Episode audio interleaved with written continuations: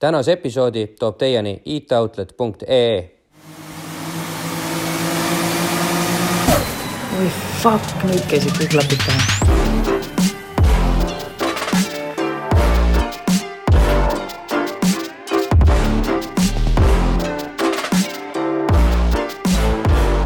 tere tulemast vaatama, kuulama taas äh, Klapid pähe video podcasti ja mina olen muidugi Henri ja minuga koos on siin Janne.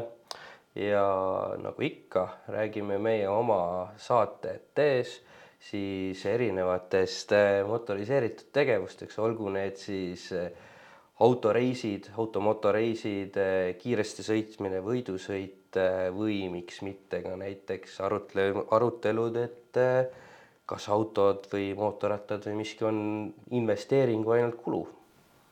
Ja, ja täna jätkame oma vestlusi Peebuga.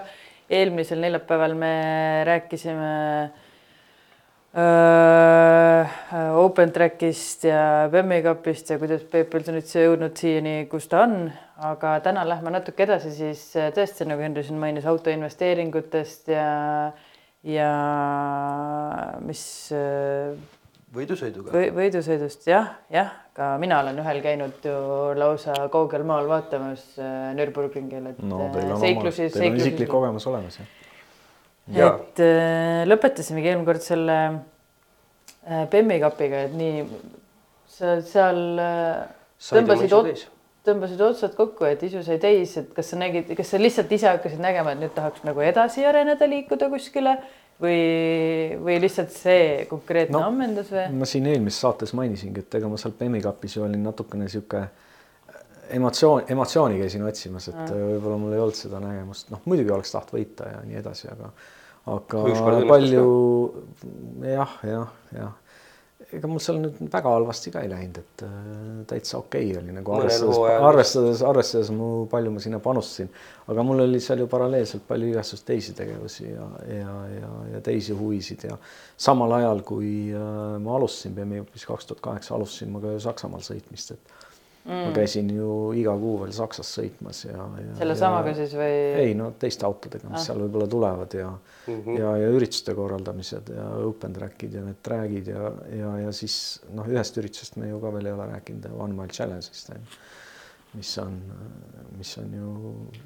See on ka sinu, kas sul on seal ka nagu siis mingisugune? no selle ürituse mina olen teinud, see on puhtalt minu üritus on ju. no täiesti no no, numbrimärki on Et, et, äh, nagu veidikene inspireeritud sellest teemat, temaatikast. mitte, et ma nüüd füüsiliselt oleks seda ainult ainuüksi teinud, aga see on nagu minu, see on nagu minu laps, et äh, minu Seda välja mõeldud, minu välja mõeldud asi, et et äh, ja siis see Bemmi kapp, äh, noh, huvitav, ma siin vahele lihtsalt ütlen, et huvitav, et sa alguses vaata eel- eelmine kord rääkisid, et noh, et see drag ei olnud sinu teema, aga kuidagi neid kiirendusüritusi sul on ikka jube palju olnud.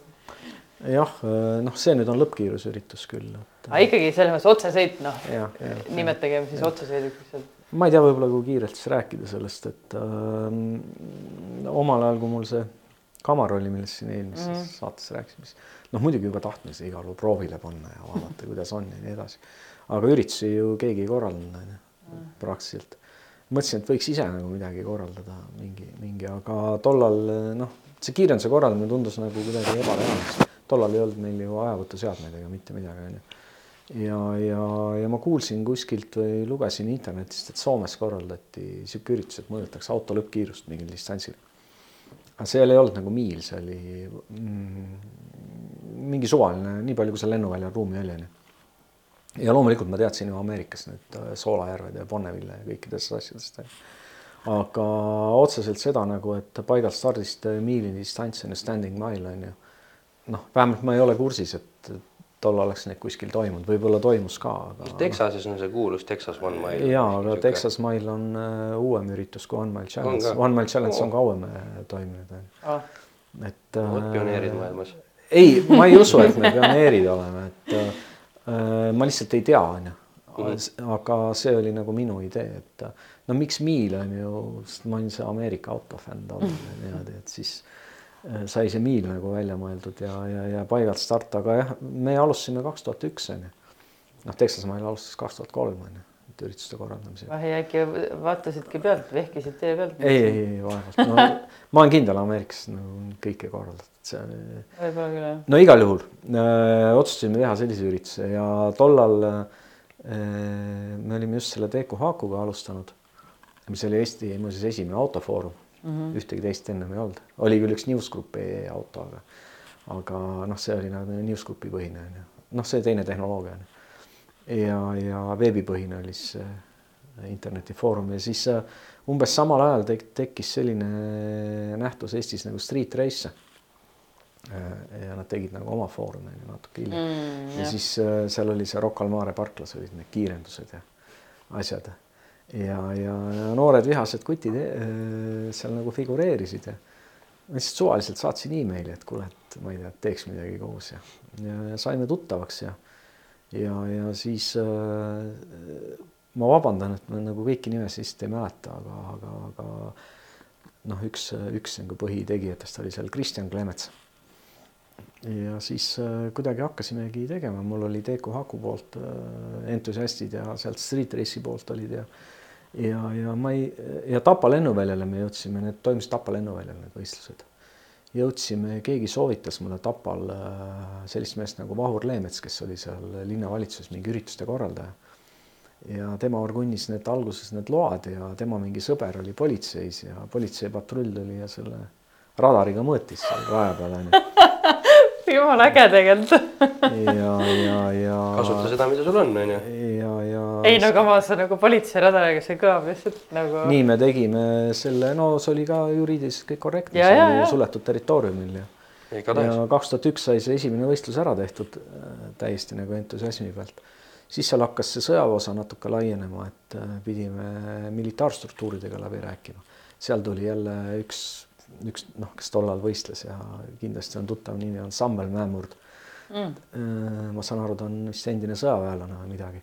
Igal juhul tema aitas mul seal nende sõjaväebossidega suhteid siluda ja me saime seal vist päris kolme-neli aastat korraldada seal Tapa, Tapa lennuväljal. nimega oli ka nii, et alguses mõtlesime, mis nime panna, et nagu ma ei tea, minu kreatiivne tipp oli Tapa miil onju aga, aga, aga siis aga siis äh, Laas Valkonen pakkus selle nime välja, One Wild Challenge. päris hea nimi jäi, siis see jäigi, hiljem muidugi sõjavägi võttis selle lennuvälja ära, siis me korra tegime Pärnus, aga siis kolisime Haapsallu. ma ei mäletagi, kas ma viimane ja muidugi seal oli jälle nii, et ega me muidu ei oleks seda nii pikalt suutnud korraldada, kui oleks nagu esiteks ei oleks kõiki neid abistajaid olnud ja juba kas teine või kolmas aasta võttis minuga ühendust Audi klubi. Indra, Indra Päll, äh, Pälli isikus ja lihtsalt, et no hei kutid, et kas tahate, et nagu mingit abi vaja, muidugi on abi vaja. ja tulid kohale ja jälle noored, noored, noored tegijad ja, ja lihtsalt aitasid nagu kõiki asja korraldada. Äh, puhtalt entusiasmist mm. -hmm. aga noh, eks iga üritus tahab natuke ikkagi professionaalsemat lähenemist, et äh, kaks tuhat neli me siis, kui me seda rokki tegime, siis äh, Rodeo poisid nagu võtsid selle ürituse ka oma tiiva alla, et et äh, see produktsiooni pool jäi nagu nende peale nagu ja, ja Audi klubi oli kogu aeg juures ja meie tegime ja kuni siis vist oligi kaks tuhat üheksa oli äkki viimane kord, kui mina korraldasin, aga noh, ikkagi kaheksa aastat vist. ja, ja siis sai nagu see ring täis ja saigi Audi klubile see asi nagu üle antud täiega ja ma arvan, et nad on super töö ära teinud, et. Äh, absoluutselt. ei, see tõesti. Üks populaarsemaid autoüritusi vist terve suve jooksul tavaliselt. jah, et. nii osalejate arvu kui ka isegi. mul on nagu jube hea meel selle üle, et, et see üritus nagu ei jäänud kuhugi noh mm -hmm., ütleme siin tegid teised ka neid lõppkiirusüritusi, aga, aga praegu on ikkagi Audi klubi jäänud, jäänud seda korraldama ja noh ma ei tea, kuidas nende vaates see täpselt on, aga tegelikult need üritused ei ole nagu mingid raha teenimise kohad, et ausalt öeldes ükski üritus, mida ma korraldanud olen, ei ole olnud raha teenimise koht, et sa võtad, sa võtad põhimõtteliselt üritusega rikkaks ei saa nagu. ja sa võtad, noh, tegu on riskantsete spordialadega, on ju, ka autosport on ju, juhtuda võib igast asju mm. -hmm. Õnneks äh, noh, midagi ei juhtunud nagu midagi no. sellist, mis oleks nagu stressi tekitanud nii palju. lisaks on ta ka ilmast tohutult sõltuv, et kui ikka halb ilm on või kahtlane ilm on Jah. või liiga ilus ilm no on, siis ei eelmine tule aasta inimesed vist kohale. kas korra jäi kindlasti, aga võib-olla ka kaks korda Edrase üritus lükati edasi, sest et ilma noh, noh, ei et noh, selle on-mailiga ka natuke niimoodi, et äh, autod läksid aina kiiremaks, et kui siin Mhm. esimestel aastatel umbes kakssada viiskümmend kilti tunnis oli see võidukiirus, siis siis äh, noh, varsti need kiirused olid juba seal kolmesaja kanti on ju, see, see kolmesaja piiri ületamine võttis muidugi päris kaua aega, et päris suur pingutus oli, et seda lõpuks üle saada. ja, ja inimesed panid siin, ma ei tea, nitrosid endale aga peale ja tegid igasuguseid aga asju. et, et seal on nagu palju riske mm. -hmm. ja palju nagu energiat kulub sinna ja kõike. et äh, tegelikult, kui see võistlus läbi on, siis äh, sa, sa mõtled, et noh, ei iial enam on ju, et ma ei tee niisugust asja kunagi, et ma ikka peast täitsa segane, et millega ma tegelen on ju. ja, ja noh, Kuni läheb paar nädalat mööda ja aa, halloo, et kuidas on, et no mis siin järgmise aastase kuupäeva paneme, teeme on ju et, et, et nii, nii ta läks, aga noh, kuskil on ikkagi see piir, vaata, et äh, kus, kus sa nagu tunned, et nüüd on nagu äge, et nüüd on tehtud mm. -hmm. ja, ja mul on nagu hästi hea meel, et Audi, Audi klubi on mitte lihtsalt ei võtnud seda üle, vaid ta viis selle täiesti uuele tasemele, ma arvan, selle ürituse, et noh, kahju muidugi, et neid ei saa nagu rohkem korraldada siin noh, täiesti objektiivsetel põhjustel, et et ikkagi noh, spets ehitada sellele võistlusele autot on nagu ainult paar väga suurt entusiasti on seda Eestis teinud. oota, miks seda ei saa korraldada? no ei ole korraldajaid. Seda võib öelda muuseas kõikide autoürituste kohta, oleks aga rohkem korraldajaid. Ei, jah, jah, no, selles mõttes- noh, ilmselt jätkuks ka tegelikult sõitjaid, sest noh, kui palju kordi sa sellise nagu sinulgi siin pildil on tänavaautoga käid seda lõppkiirust ei no siis saaks ehitada juba spetsiaalautosid, sest kui sa vaatad näiteks Texas Mile'i, siis seal ikkagi päris palju ja on ehitatud. ei absoluutselt, aga neid, kes oleks valmis ehitama, ongi nagu mõned inimesed ja ülejäänud on sellised, kes käivadki proovimas oma autot Jah, jah. piirile ma, panemas ma, ma mõtlengi, kas nendest ei piisa, kes käivad lihtsalt proovimas või? no sa käidki ka- üks-kaks korda aastas seda tegemas. No käidki. aga Korra- korra üritus aga kui sul aastas. oleks viis, viieetapiline sari, kas sa siis käiksid ka viis korda proovimas ei oma, autot? ei, aga ma mõtlengi ühe korra aastas käia. no neid äh, sarja mõtteid on siin olnud läbi aastate, aga, aga jah, võta ja võta ja tee, et meil on tegelikult nagu selles mõttes täielik vabadus Eestis, et igaüks võib korraldada autoüritusi, et äh, autospordiliit ei ole siin ka jalga kunagi ette pannud, et ega Aa, kätte kätt ette pannud tähendab, et äh, ainult tee, aga, aga küsimus ongi selles, et noh, mis on see motivatsioon mm -hmm. teha, et, et äh, eks see minu kogemus, need pikad noh, kokku neid üritusi on ju päris palju tulnud, nii Open Track'e kui One Mile'e kui neid asju kõiki, et et äh, see ikkagi suuresti sa teed seda entusiasmist on ju.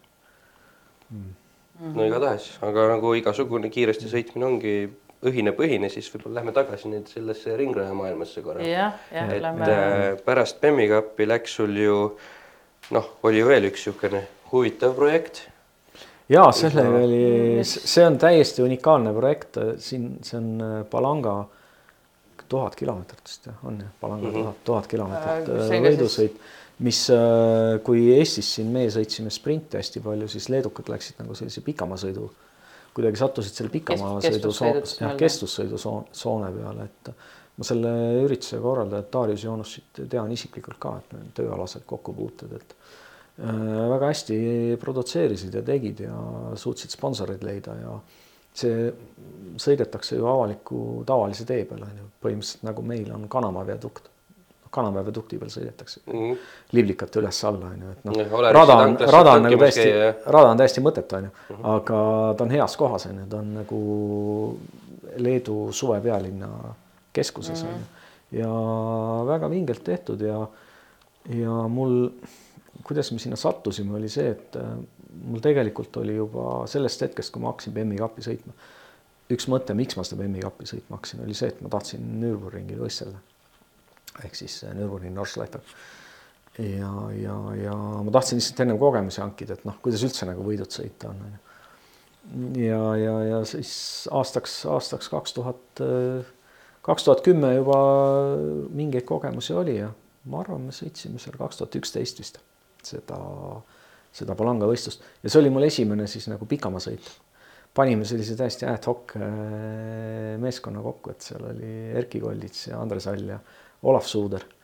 ja, ja meil sattusid sinna, kuna Olafil oli äh, juurdepääs meediale ehk siis oma Reporteri saate kaudu. Ja, ja Erkki Kollits on kindlasti üks Eesti meistrite müügime-, müügimeeste hulgas on ju, siis äh, see on üks ainukene autospordivõistlus, mis vist ei läinud meile mitte midagi maksma mm.. sponsorid, sponsorid maksid kõik kinni. et sellepärast ongi ta unikaalne projekt, mitte ja. see, et äh, tuhat kilomeetrit sõita BMW-ga ringrada, seda on väga paljud teinud ja tegid ka samal ja. ajal, eks ole et äh, jah, te suutsite teha midagi, mis juba sel ajal tundus natuke nagu võimatu või väga keeruliselt saavutatav. me tegime klippide sarjad ülesse mm, -hmm. kus äh, mingil määral siis äh, sai ka Top Gear'i kasutatud, meil oli Stig seal valge kiivriga seal igas. See, see on muuseas siiamaani üleval, see Eesti Palanga tiim äh,. Reporteri mingid klipid, ma arvan, kümme minutit oli mm üks klipp meil oli seal Stig ja siis ma ei tea, mingid täiesti jaburad, siis istusime kiivritega saunalaval ja, ja, ja käisime jõusaalis ja, ja, ja ma ei tea, mida veel tegime, vahepeal Stig külmus ära ja siis ma ei tea, kes selle stsenaariumi välja mõtles. aga igal juhul äh, meil oli see, meil olid head toetajad ja, ja see infotelefon oli see üks, üks, kaheksa, kaheksa ja, ja see oli nagu põhitoetaja ja, ja hästi-hästi positiivne kogemus oli Alert autoga kes siis aitas meil seda autot ette valmistada, et äh, auto me ostsime Inglismaalt. ma just tahtsin küsida, kas auto oli enda oma või see oli? ei, me ostsime selle Inglismaalt ja, ja, ja see veel Andres käis sellele järgi, Andres All ja, ja siis Nürburgis oli kokku. nool on küll õigel pool ju. ja, ja. see tõsteti no,? ei, ei, ei, ta, see oli, äkki see oli BMW motospordi auto isegi. Aa, okei okay.. Neil oli, mingi sarjasõit. Neil oli see monosari BMW sada kolmkümmend kapp või midagi sellist on ju. et äh, see auto oli sõitnud Silverstone'i kahtekümmet nelja tundi ja, ja ta no. oli nagu pikamaasõidu ettevalmistusega, aga muidugi ta läks täiesti pulkadeks ja Alert autos ta tehti, käidi üle. uueks? ei no mis uueks, aga noh. mingi sihuke üldine no.... no üldiselt päris ütleme lii, lii, liiga tõsiselt võtsime seda kõike, aga noh, vaata pole nagu ju kogemusi ja tahtsime ikka nagu edukad olla mm -hmm. ja, ja, ja. no nagu näha, siis oli ka võimalus erinevate ja, ja, ja meil olid kõik bitköölid ja, ja kõik asjad, mingi kõik oli ette valmistada, noh, oli ka nagu võimalusi selleks. ja võistlus läks täitsa, täitsa okeilt läks, et äh, oli sellist vihma ja oli päikest ja ja saime teise kohaks oma klassis oh,. see on ju tegelikult väga hea tulemus. Äh, päris, päris normaalne, et sealt sai nagu selle pikamaasõidu, pikamaasõidu no,. ja siis äh, vaatasid, et äh, läheb päris hästi ja. ja, ja siis oligi selline tunne, et peaks ikka asja ära tegema, onju. Mm, ja, ja mina seda Saksamaa, Saksamaa otsa ajasin. ja, ja tegime kaks tuhat kaksteist tegime siis esimese sellise nagu proovivõistluse, mm, siis äh, Nürburgringi, Nürburgringil sõidetakse pikamaavõistluste sarja, selle nimi omal ajal oli VLN, tänapäeval on ta NLS pikemalt ei suudagi välja öelda. noh, tänapäeval, äh, aga mis seal on nagu idee, on selles, et äh, kümme etappi, iga etapp on neli tundi. üks etapp on kuus tundi uh. Mhm. -huh. ja etapi ja siis sarjaväline on kahekümne nelja tunni sõit on ju samade korraldajate poolt siis lihtsalt? tegelikult on nii, et igat etapile on era, eraldi korraldaja oh,. Okay. Nad on, kunagi toimusid seal erinevad võistlused ja siis lepiti kokku, et teeme ühe sarja ehk igat etappi korraldab eraldi klubi mm. -hmm. Mm. lihtsalt, et nii-öelda ühe vihmavarju all, eks. ja, aga ühe vihmavarju all, ühed reeglid, äh, ühed asjad on ju mm. -hmm. ja, ja, ja siis äh, saingi, saingi tiimi kokku. Veel, veel huvilistest siin on, äh, on ju Keijo Kaasik, Erkki Kollits ja Rool Liidemann on siis need kombinatsioonid, mina istun siin rooli taga, see on see on vist esimene võistlus, kui me lähme nagu, see on stardi, noh, stardis oleme seal pitlane'il. no see vist lõppes teil küll kuidagi seinas natukene või? Äh, ja seal noh, lihtsalt ei olnud kogemusi võib-olla piisavalt, et et äh, seal on nagu hästi palju, see sõitmine on nagu traffic management, et et ta on selline unikaalne sari, et seal sõidavad profid ja amatöörid koos mm. -hmm. ja lisaks äh, praktiliselt igal autol on klass. et sa võid seal ükskõik millega sõita, onju alates äh, Porschest kuni Daciani, on ju, et kõik mahub sisse, on ju, et äh, või mis tahes autoni. ja, ja seoses sellega on kiiruste vahed on nagu hullumeelselt suured ja et kes ja. pole kunagi käinud, siis mina soovitan kindlasti minge vaadake, eriti veel Nürburgring kakskümmend neli tundi. see, kuidas seal täpselt niimoodi ongi, et kaheliitrised diislid sõidavad segamini kõige uuemate, vingemate mm. GT3 autodega, mis on, ma ei tea, McLarenid või Audid ja ja, ja Porsche'd, RSR-id ja asjad ja millise see... hooga nad seal laveerivad nende teiste vahel. see kogemus oli tõesti nagu hindamatu, jah et äh, ja siin me siis äh, selle auto me rentisime, et see on äh, kolmeliitrine M3. ja seal oli vaja, meil tegelikult ainult idee oli kahtekümne nelja sõita mm, -hmm. aga selleks, et kahekümne neljale peale saada, oli vaja miinimumarv starte ja noh, mingid finišeerimised on ju et, okay. et päris see... niisama ei või minna, et koputad uksele, et tahaks sõitma tulla on ju. no esiteks on vaja litsentsi on ju muidugi. ei noh, see jah, selle aga... ju saad ära teha mm, -hmm. aga aga kas sa lugesid, oled kokku ka lugenud või lugesid sel hetkel, et kui palju sul näiteks Nürburgringil, Nordschleifel, Põhjaringil neid äh, ringe kogutud oli juba selleks ajaks, kui sa julgesid seal võidu sõitma minna? ei noh, mis julguses ei olnudki asi. või noh, kuni sa olid valmis, ütleme nii äh,. ma arvan, ma olin mingi tuhande ringi kanti sõitnud tollal. seda on roppu moodi palju. jah, aga samas pff, Erki ja Keijo nagu peaaegu, tähendab Keijo vist polnud peaaegu üldse sõitnud, aga noh, Kei on niisama sõidumees on ju, no igal nad olid väga vähe sõitnud on ju. ja Rool oli natuke rohkem sõitnud, et, et noh, seal, kui sa nagu autoga sõita oskad, ega see ei ole nii, peaasi, et sa nagu rada tunned enam-vähem on ju. et ja no mis, mis aga... veel muidugi siis äh, Roolil ja Erkil oli väga vähe nagu ringraja kogemust on ju. tähendab, Rool üldse debuteeris. võidusõidus. võidusõidus seal on ju ja, ja Keial oli muidugi väga palju kogemusi ja noh, minul ka ikkagi seda Bemmi kappi, Erki sõitis ka mõned Bemmi kapi võistlused. ja Rallycrossi. aga me suht nagu ikkagi sellised rohelised seal olime, onju. aga oli vaja lõpetada, finišeerida ja saavutada vist mingi isegi tulemus seal, et äh, saada nagu see luba. tänapäeval näiteks ei ole nii lihtne, tänapäeval sa pead kohe käima eraldi lisentsikursustel ja osalema väikestes, nagu äh, seal on madalamad sarjad ka veel ennist allpool mm, -hmm. et äh, tänapäeval sa ei saa sinna nii lihtsalt. ilmselt, kui sul pole just kogutud kuskilt mingitest rahvusvahelistest või muudest sarjadest. ei muidugi, kui sa oled Martin Rump, siis sa ei pea, ei isegi vist tema pidi tegema neid no,. aga see tegelikult on väga õige ja loogiline, kui sa lähed sinna. ja, ja see ja see tulenebki sellest, et äh, ohutuse pärast. et äh, sa ei saa ju Le Mansiga sõitma mm -hmm. vaata niisama on ju. no Le Mani jaoks vist no. pead olema koduvormelisarjas olnud esikolmikus või midagi. ja, ja aga noh, idee ongi selles, et äh, kui on nagu nii erineva kiirusega autod mm -hmm. rajal, et siis lihtsalt puhtalt ohutuse pärast Just. see inimene peab aru saama, mida ta nagu teeb. ma peaks muidugi ütlema, et äh, noh, vaata mu need eelmised ringid ja kõik enne seda ma sõitsin neid avalikke radasid põhiliselt see turistisõite seal on ju. ja, ja turistisõidud tunduvad oluliselt ebaturvalisemad kui võidusõit. puhtalt sellepärast, et võidusõidus enamik inimesi teavad, mida nad teevad seal raja Aa, ja, ja, ja eriti just need kõige kiiremad autod, mis on siis äh, noh, GT3 klassi autod, seal on tavaliselt kas siis äh, täiesti professionaalsed juhid või sellised poolprofessionaalsed juhid on ju roolis. Nendega oli kõige lihtsam, sa lihtsalt ära tee midagi, sõida Nad saavad ise hakkama. ta on nagu see ideaalne ja. kelner kuskil äh, Michelin restoranis, ta on ja. märkamatu, vaata no., et ta on nagu. et äh, ta küll ilmub su peeglisse nagu enam-vähem null koma üks sekundit enne seda, kuidas mööda sõidab, aga, aga sa tead, et kõik on okei okay,, et äh, sellepärast, et noh, professionaalne sõitja, ta, ta eesmärk on võita on ju ja, ja, ja mitte autot katki teha on ju. no Erki kutsus neid robotiteks no,. ja kui sa vaatad, kuidas nad sõidavad ka seal, siis ongi väga nagu. see oli väga-väga silmi avardav kogemus oli üldse kogu see osalemine seal just. et sa näed seda professionaalset autosporti nagu seestpoolt, et äh, muidugi seal on seda glamuuri ja kõiki asju ja need inimesed on ikka väga. sa pead olema nagu sada protsenti in, kui sa sellega tegeled, on ju, aga see on ikka päris raske töö. selles mõttes, et äh, sult oodatakse kogu aeg nagu tulemust, on ju võitu, ükskõik, kas sul on täna hea päev, halb päev, kas sul on auto, ei ole, kas sajab vihma või lund või mis iganes, on ju. Mhm. et äh, müts maha kõigi ees, kes äh, on sellest endale töö teinud, et täiesti minu jaoks nagu kosmos ja noh. aga seda oli nagu kihvt näha ja muidugi noh, kui sa näed, kuidas nad raja peal sõidavad, siis. Neil on muidugi täissportlase elu ka, et see. Äh, noh, seal muidugi sõidutundide arv on natuke teine, et mm, -hmm.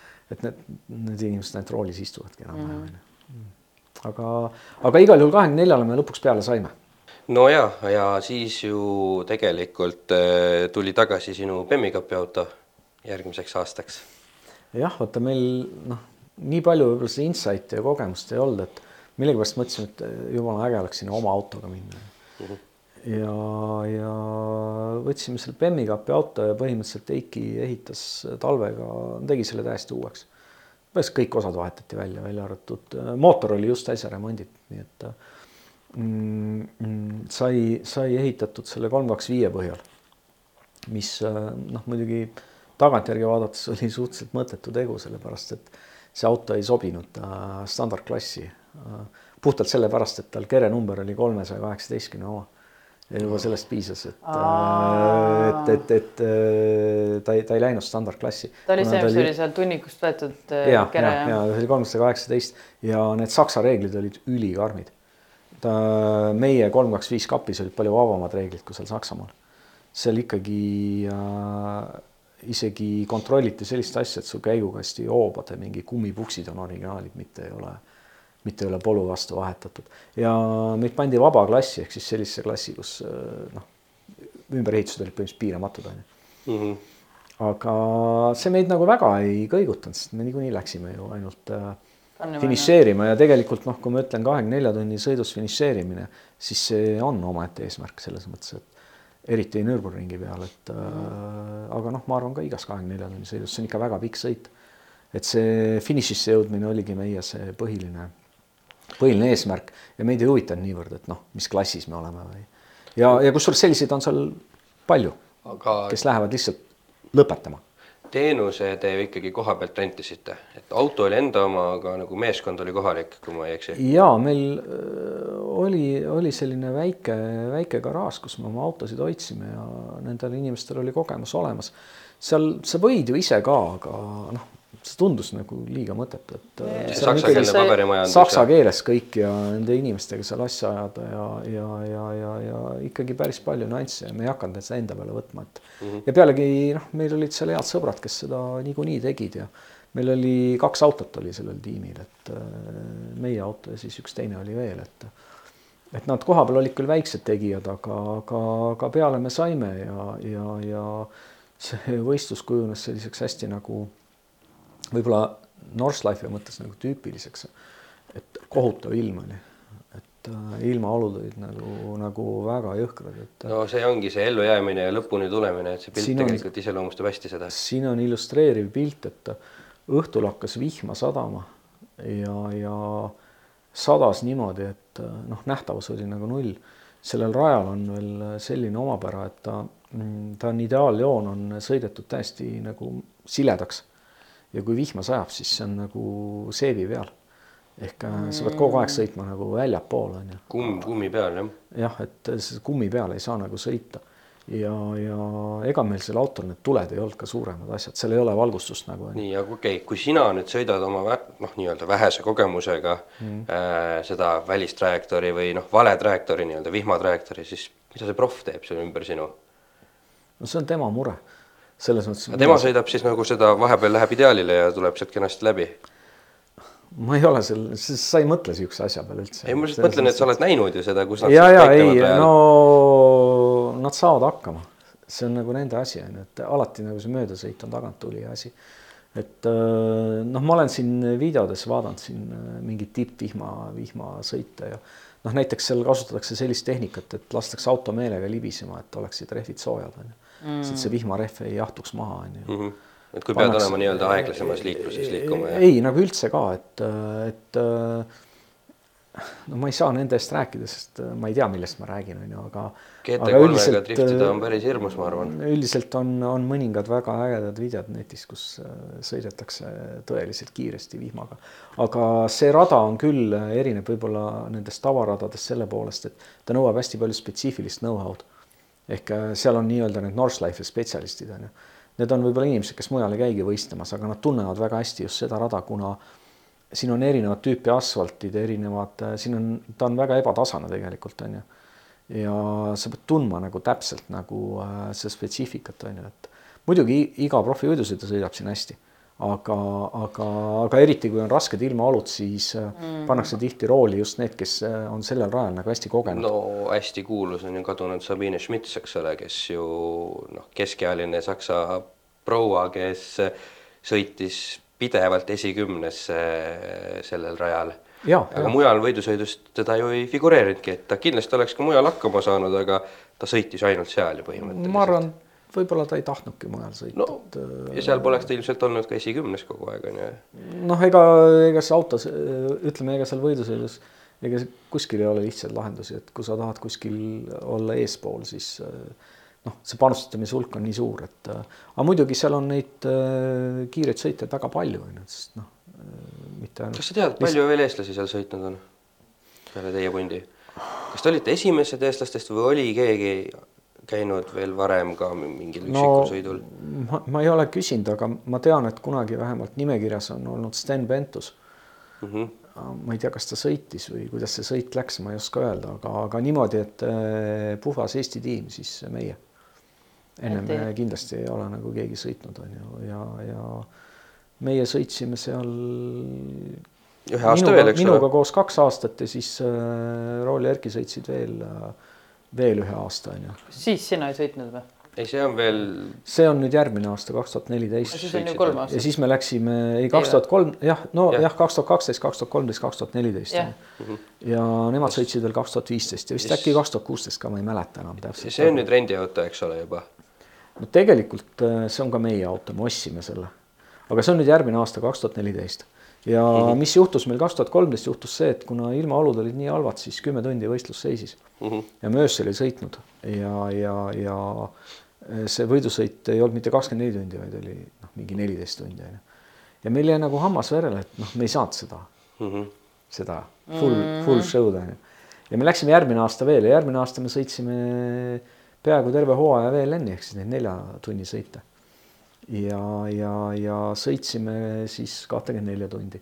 mis juhtus meie väikese E kolmekümne kuuega oli see, et äh, vist kohe järgmine võistlus peale kahekümne nelja tunni sõitu äh, sattus ta avariisse ja sai nagu päris tõsiselt kannatada. ja me otsustasime noh, mitte seda autot taastada selle jaoks ja me ostsime kasutatult mm, või noh, juba valmis auto mm. -hmm. ostsime ühelt Saksa tiimilt ja me läksime selle tiimi alla sõitma ka, aga noh, enda autoga nagu. selle tiimi nimi on siis Sorg Rensport ja kuidagi huvitavalt kukkus välja, et meie soovituse peale läks sinna hiljem vist, ma arvan, et meie soovituse peale kuidagi läks sinna Tristan Viidas sõitma onju. ja noh, ta võitis seal enam-vähem kõik asjad ära onju, et noh, oli nagu väga-väga kõva käsi. ja, ja ma vaatan, et äh, Martin Rump oli ka nüüd Sorg Renspordi nimekirjas, et ah, ma ei tea, kas see on kuidagi, kuidagi seotud, kuidagi seotud meiega, aga igal juhul so, Sorgi tiim on nagu eestlasi seal päris palju sõid, jooksutanud, igal juhul läksime tagasi sõitsime. Äh, see oli võistlus, mida teie käisite muuseas vaatamas. ja see oli see just. ja kus oli ideaalne ilm. see oli fantastiline. super, saime öö läbi sõita, saime nii-öelda selle täis. see oli veel jaanipäeva ajal ka. see oli jaanipäeva, aga see oli vist täiesti kuiv, siis ei tulnud äh, minu arust hommikune kaste ainult. no see. ideaalsed olud. Äh, me võistlesime ka nüüd õiges klassis ehk siis standardklassis, see on täiesti standardauto on ju ja, ja siin ma panin lihtsalt, et natuke anda seda feeling ut, kui sa öösel lähed peale, ootad seal selles... pit-lane'il, kas auto nüüd tuleb, ei tule, kas ta tuleb, ei tule. ja selles mõttes on see sari ja see võistlus ka üliüliägedad pealtvaatajale, et äh, sa saad võtta osa sellest äh, diskost ja möllust ja lõketest, mis seal kõik raja kõrval on, sellest grillimisest ja samas Lähed sa jalutad boksi sisse ja vaatad, kuidas need äh, sõitjavahetused seal käivad, ilma mingisugust spetsiaalset omamata. ei, boksi niisama ei saanud. me läksime ju. meil olid meedia. no kuidagi saite, aga põhimõtteliselt sa oled seal nagu, sa oled seal nagu lähedal jah, et aga tegu on muidugi meeletult suure nagu festivaliga, et mm -hmm. noh, ta on nagu Le Mansi järel nagu võib-olla rahvaarvult number kaks, et seal on ka ikkagi nad ütlevad mingi sada kaheksakümmend tuhat inimest on raja ääres. ja, ja noh, see õlle, see õlle ja liha kogus, mis seal ära tarbitakse, see on nagu, nagu meeletu, aga kui nüüd võidusõidu juurde tagasi tulla, et siis äh, noh, ta, ta on, ta on nagu ma olen nagu väga-väga õnnelik, et ma sain seda teha, et noh, küll sellise võib-olla kuidas öelda, see oli jälle nagu sihuke emotsiooniüritus on ju, mitte see, et me läksime sinna võitma. muuseas, me saime kolmanda koha oma klassis on ju, et mis oli mhm. nagu päris kõva sõna, et äh, lihtsalt. kolm amatööri tulevad ja sõidavad. jah, ja, ja, ja kus me sõitsime kolmekesi, seal üldiselt sõidetakse neljakesi on ju, et mm -hmm. see on nagu kaheksa tundi sõiduaega per nase, et äh, päris väsitav oli, ma, ma ei oodanudki, et see nagu nii väsitav on. ja noh, topeltstindid tegime öösel, et saaks rohkem magada. Aga see, see pikamaa sõit äh, ise juba oma olemuselt natuke teistmoodi, sa vastutad oma tiimikaaslaste eest ka mm, -hmm. et et see ei ole nii, et nagu sprindisõidus, et ah noh, las tükid lendavad, vaatame, kas käsi kullas või see teine asi sealsamas mm -hmm. on ju, et et äh, see tiimi, tiimi feeling ja see tiimi, tiimiga koos sõitmine on nagu ülitähtis, et inimesed oleks nagu sama lainel. Mõtleks no samamoodi ja noh, me olime on ju, et. ja, et mingist nagu... kiirest noorest vihasest pole väga palju kasu kui.... jah, et, äh, et, et äh, muidu kui esimene vend sul esimeses vahetuses auto ära käkib, siis ongi kõik on ju, et et me ei olnud seal otseselt nagu võitmas, sest noh, me nägime, et see kiirus nagu esimestega, noh, need esimesed, kes seal nagu kõige kiiremad olid, noh, nende ütleme, see sõidutundide arv ja kogemus oli nagu natuke teine, et et me võib-olla kiirus jäime maha, aga kus meil läks nagu väga hästi, läks stabiilsuses ja pikamaa sõidus see jubedalt loeb.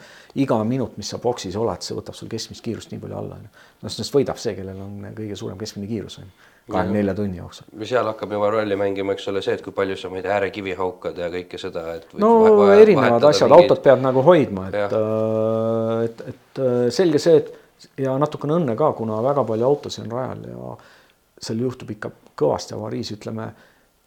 Sul on starti läheb kuskil, ütleme suurusjärgis sada viiskümmend, sada kaheksakümmend autot ja kolmandik neist teevad avarii kas äh, ma korra küsin siia vahele, kas stardiarv on piiratud ka või? Äh? ja tänapäeval vist on saja kaheksakümnega, varem oli vist kahesaja kahekümnega piiratud. minu arust siis, kui me käisime vaatamas kunagi koos pundiga, siis äh, oligi mingi kakssada kakskümmend, aga lõpetajad võib-olla sada nelikümmend, et noh. no kolmandik autodest teeb avarii reaalselt. jah, jah, see ei ole muidugi, et kõik oleks täiesti puruks, vaid nad mm. lonkavad boksi ja siis neid remonditakse. osa on täiesti puruks ka, et. ja, ja, aga ma ütlen, et ega kõik ei ole tingimata. ja, ja, ja aga nad, nad lõpetavad tükkidena on ju, noh, et nad ei saa nagu finišisse ja loomulikult siis on veel tehnilised rikked on ju mm.. meil ju juhtus selline asi, et tegime selle kakskümmend neli tundi ära mm -hmm. ja läksime järgmisesse tavaetapile neljale tunnile ja esimene treeningring Stroll läks peale autoga tee äärde ja pool assi, pool assi läks pooleks või ma ei tea, mingi asi mm. -hmm. põhimõtteliselt nagu järgmine, see oli nagu esimene ring peale kahekümne nelja tunni sõitu, nii et. ütleme jumal tänatud, et juhtus siis mitte kahekümne nelja tunni ajal. jah, põhimõtteliselt auto vahepeal ei sõitnud, onju. et selle auto läks äh, järgmise võidusõidu esimesel ringil katki mm. -hmm. nii et noh, see näitab jälle, vaata, kus on see, kus on see õnne mm, -hmm. õnnefaktor onju et äh, see auto oleks võinud minna ka üks ring varem katki ja siis see oleks olnud kahekümne nelja tunni sõidu viimane ring. mõtle, see on veel kõige hullem, sa reegel, oled juba nii lähedal. ja reegel on see, et kui sa ei tule üle joone, siis sa ei ole lõpetanud mm. -hmm. jah, et sa võid tegelikult seista kümme tundi boksis ja tulla ja saada auto veerema. no siis sa ei saa tulemust, sellepärast et seal oli see kvalifitseerumiseks vajalik ringide arv on ju okay Äh, mingi protsent. küllalt olen, on näha ju neid autosid, mis äh, tulevadki lõpus üheks ringiks korra rajale. no see on lihtsalt emotsiooni pärast on ju, aga sa ei saa protokolli, kui sa ei ole teatud arvu ringe läbinud. Okay.. aga lihtsalt meil juhtus nii, et auto läks kohe peale kahekümne nelja tunni sõitu, kohe läks katki peale seda, aga Päris ei läinud ennem katki. aga seal on äh, emotsiooni ja draamat on väga palju, et viimastel ringidel ikka kipub juhtuma, et seal ikka suured mehed nutavad ja, ja suured mehed muidugi, kui võidavad, siis siis ka nutavad. aga miks rohkem ei läinud sõitma uh,? seal on nagu see asi, et uh, noh, need võistlused toimuvad välismaal on ju, sa pead käima seal mm -hmm. noh, see on ikkagi pikk nädal, noh, kakskümmend neli tundi on üldse terve nädal mm,. see võtab väga palju aega ja ressurssi on ju, et seda teha.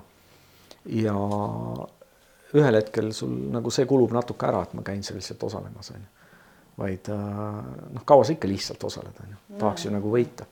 ja see ei ole nii, et, et ma saan poole parema tulemuse, kui ma harjutan poole rohkem, on ju, panustan poole rohkem, vaid äh, see on, äh, see on geomeetriline seos on ju selles mõttes, et, et saada poole paremat tulemust, pead sa panustama võib-olla viis korda rohkem, on ju. ma räägin nii treeningusse kui auto ettevalmistusse kui noh, tegelikult ka oma sõiduanalüüsi, sõiduõppesse mm, -hmm. mis iganes ehk ka see panus, vajaliku panuse hulk selleks, et saada seesama emotsioon kätte, suureneb nagu hüppeliselt no,. kui sa jah. lähed äh, sportlikult nüüd äh, võitma seda asja. ja sealjuures suure tõenäosusega tapab ta ka suure osa fännist just ära. no seda ma ei oska öelda, sellepärast et äh, mul oli kuidagi nagu ka peale seda teist kahtekümne, kahtekümne nelja tundi, mul oli kuidagi isu täis äh, Rool ja Erki jäid veel sõitma, onju. Ja siis nad võtsid ikkagi ette täitsa nagu kiiruse, nad said kiiruse üles. isegi võitsid ühe etapi. kas nad läksid kahekesi siis või, või võtsid lihtsalt kellegi uue? kas neil polnud mingi sakslane äkki vahel või? ma ei mäletagi ausalt öeldes. igal juhul nemad said äh, täiesti sinna juba liidrite kiirusele ja äh, poodiumi, poodiumi juurde jõudsid ja poodiumil olid ja neil läks seal täitsa hästi, onju aga, aga noh, lõpuks neil ka ilmselt noh, ikka lõpuks on küsimus, et miks sa seda teed, sest see muutub ühel hetkel ikkagi su põhitegevuseks, vaata, kas sa. no kümme etappi aastas on ikka nii palju. no kümmet vist ei sõitnud kordagi. isegi aga... Eestis nagu niisugust kalendrit mm -hmm. kaasa teha mingis sarjas on ikka väga palju vajab sinu aega ja panustamist. aga ma nende eest ei hakka rääkima, aga mul isiklikult pärast seda hooaega oli nagu see tunne, et okei okay,, et äh, fine, et tehtud, sest noh, muid huvisid on ka ja muud elu on ka, et ja, ka ja. elu väljaspool auto, autondust ja autosporti on olemas. ja, ja tegelikult sinu suur osa mm. sinu nii-öelda elust on ju just nimelt need autoga Euroopas käimised. et eh, noh no., siin ju kasvõi siin üks sinu. Ah, selle ma panin jah, see on niisugune nostalgiapilt, see oli, kui ma esimest korda Nürburgringil käisin. käisime Porsche klubiga, meil oli Porsche tehase külastus ja ma teadsin Nürburgringi väga ammu juba, sest eh, juba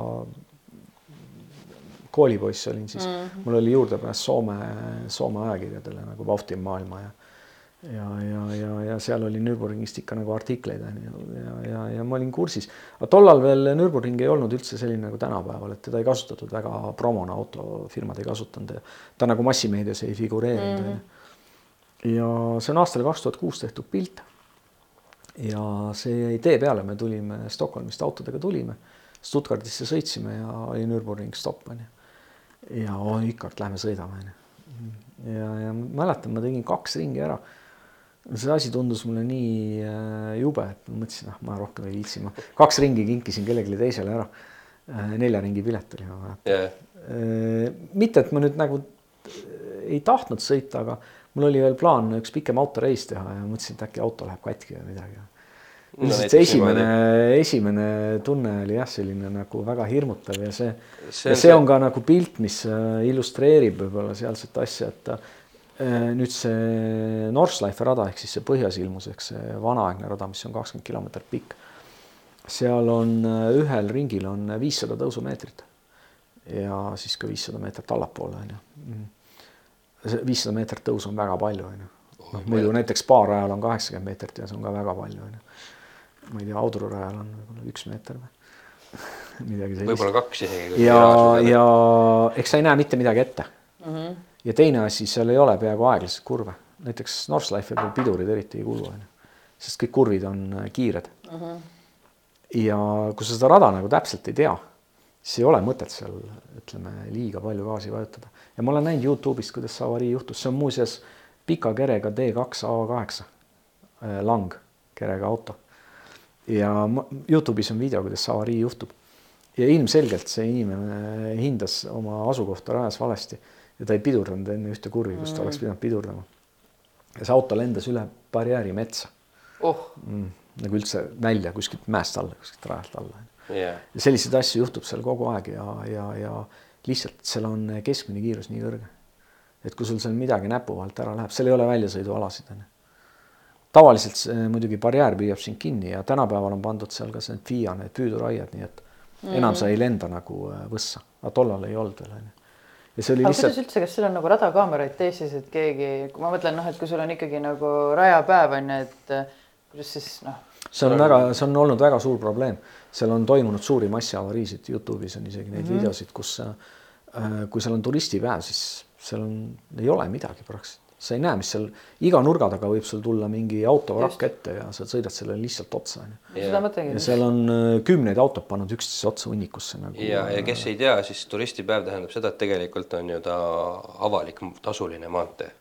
ja iga inimene võib tulla sõitma mm. -hmm. Northlife avati tuhat üheksasada kakskümmend seitse ja turistipäevad toimuvad seal sellest aastast alates. ja see on selles mõttes veel eriti sõge ja jabur, et seal sõidavad ka superbike'id, millel on mingi mees sõidab ja tibi on selja taga, istub, umbes, et siukseid no. asju näed ka seal. et see on täiesti absurdne. noh, tegelikult eh, eks see rada ongi selline hästi väga äärmuslikke emotsiooni tekitav, sellepärast et ühest küljest seal on hästi kihvt sõita ja mis teda eristab kõikidest teistest radadest, vähemalt mind ta pole veel ära tüüdanud, onju. ta ei tüüta sind eriti kergesti ära, sest seal on kogu aeg midagi uut, onju. Ja ehk, ehk seal on, seal on nagu high, onju, ja siis seal on very low. Very low on see, et äh, esiteks äh, väga paljude inimestega on seal halvasti läinud, onju. inimesed saavad seal reaalselt nagu hukka mm. -hmm. teiseks, äh, kuna ta ei saa hukka, nad hukkavad oma autod ära, onju.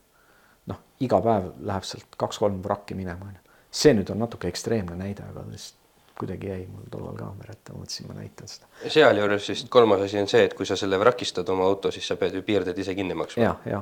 no see on igal pool niimoodi. et seal on, seal on väga palju halbu asju juhtub ka ja, ja, ja, ja sa pead, sa pead jubedalt austama seda kohta, et kui sul respekti ei ole, siis tõenäoliselt lõpetad halvasti, et juhtub kõigil, aga, aga see ei ole see rada, kus sa sõidad äh, piiri peal, et äh, sa ei tee seda üldiselt nagu, sest äh, ja, ja isegi noh, olles lugenud siin täitsa professionaalsete võidusõitjate kommentaare, siis nad jätavad seal nagu reservi rohkem onju, et sa lihtsalt pead jätma, kuna mm, -hmm. kuna see rada on teistsugune. aga ja, ja ma ei võrdle teda ühegi teise ringrajaga maailmast, ma olen nagu paljude peal sõitnud ja paljud on ägedad, aga Northlife, ta ei olegi nagu ringrada. ta on, ta on nagu mingi asfaldiralli kiiruskatse või midagi sellist rohkem, noh oma. ja, ja sealne võidusõit on ka suures osas selline just, eks ole, et sa ja, lihtsalt ja. satud teistega samal ajal olema seal, aga igaüks võitleb rohkem nagu iseendaga. no nagu klassisiseselt on väga kõva võistlus. no jaa, aga ma pean seda silmas seda, et need väga, neid on muidugi, aga need ei ole just väga tihedad, kus nad kaks tükki sõidavadki reaalselt rattas rattas ja. no klassi tasemel sõidetakse, muidugi kui sa vaatad VLN-i autosid, siis need on palju kõrgemad kui teiste sarjade autod, sest seal autod reaalselt hüppavad. autod lähevad maast lahti seal on ju ja neil on vaja vedrukäiku palju rohkem, et kui sa GT3 autosid vaatad, siis VLN-i sarja autod on tavaliselt äh, natukene nagu off-road'i moodi, sest äh, neil on vaja seda vedrukäiku lihtsalt, sest äh, see rada ei ole sile. ja, ja, ja, ja ta on, ta on, ta on täiesti nagu eraldi fenomen, ta on muidugi nüüd oma kuulsuse ohver natuke. mina ei ole avalikul rajal sõitnud enam, ma arvan, mingi, mingi kuus-seitse aastat võib-olla. ma olen sõitnud ainult rajapäevadel, sest äh, lihtsalt äh, noh, see ohutase on liiga suur, et sõita seal teiste vahel. mina ei julgekski sõita. avalik, avalikul, ei, võib sõita vabalt, on ju. ei no ma ei julgeks aga..., sellepärast ma kardan just, et juhtub sama asi, et sa ei näe, mis kurvi taga on ja siis.... jah, aga rajapäeval on sul vähemalt lipukohtunikud, on ju. ja teiseks, kuna mm. rajapäev on suhteliselt, maksab palju raha, siis äh, sinna ei tule sõitma nagu need, kes tulevad üks-kaks ringi, et noh, ma proovin, on ju, et mm -hmm. seal on üldjuhul inimesed, kes teavad, kuhu see rada läheb, kuidas nad oskavad sõita, on ju, et et üldiselt, kui isegi keegi läheb nüüd sinna esimest korda siis äh, ma ikkagi soovitaks äh, osta rajapäev. lihtsalt ka õppimiseks on nagu parem on ju. ei no turvalisem. mäletan, et kui ma esimest korda seal käisin, siis istusime, pidime istuma sissepääsu juures kohvikus, ma arvan, mingi neli-viis tundi päeva jooksul, sest jälle oli mingi tsiklimees sõitnud piirdes, jälle oli kuskil auto piirdes ja ja, ja ühe, ühe tsiklimehe jäänuste koristamine võttiski vist kõige kauem seal aega ja ja siis äh, päris mitu kohvi kulus ära, enne kui uuesti rada lahti tehti. ja see on hästi tüüpiline. jah, et nagu mm. rajapäevadel juhtub ka, aga vähem. nojah, ja seal mm ei ole üldiselt tsikleid ja siukseid asju vist, et noh. et see on nagu nii kummaline, et kõige ohutum tunne sul tegelikult on sõita VLN-i võidusõidul. Sellepärast, et seal on ümberringi kõik inimesed, kes teavad, mis nad teevad. siis järgmine tase on rajapäev ja siis on avatud rada on ju aga see on täitsa loogiline jah. kui sa tahad nagu täiesti crazy't adrenaliini elamust, siis mine avatud rajale onju, aga noh, ole valmis, ole valmis ekstreemsusteks. aga räägime nendest äh, põnevatest Euroopa sõitudest praegu ka edasi et.... ja et sina ju tegelikult äh, orgunnid endale kui ka kutsud kaasa väga tihti ju seltskonda inimesi äh, oma autotrippidele, et kas sa paned nad nagu rohkem kultuuriprogrammina enda jaoks kokku või need on, et käime sellel rajal, käime sellel rajal, käime sellel rajal ja siis vaatame, mis vahepeal nagu tee peale veel jääb, et. no neid trippe on olnud kahesuguseid, et äh, vanemad tripid või, või kus see kõik algas, oli see, et äh, ma liitusin Eesti Porsche klubiga, ostsin endale ka Porsche äh,. mul oli ennem ka üks Porsche, aga see oli selline, ma ostsingi just nagu Euroopas sõitmiseks ja kuidagi mõttekaaslastega lihtsalt eh, noh, ikka Alpid oli see põhiline. korra, korra segan vahele, et need, kes ei vaata, et kuulavad, mis Porschega tegemist on, mehed. siin on tegemist üheksa, üheksa, seitse esimese põlvkonna Carrera kahega mm. -hmm. ja, ja, ja noh. nii-öelda baasmudel siis? ei, ta on Carrera S. Carrera S. Carrera S oli siis nagu võimsuselt, võimsuselt järgmine. Ja esialgu jube tahtmine oli Alpides sõita, ma olin küll Alpides enne ka sõitnud äh, igasugust noh, rendiautode ja asjadega, aga sihuke No tunne, et noh, tahaks nagu see. sportautoga sõita onju.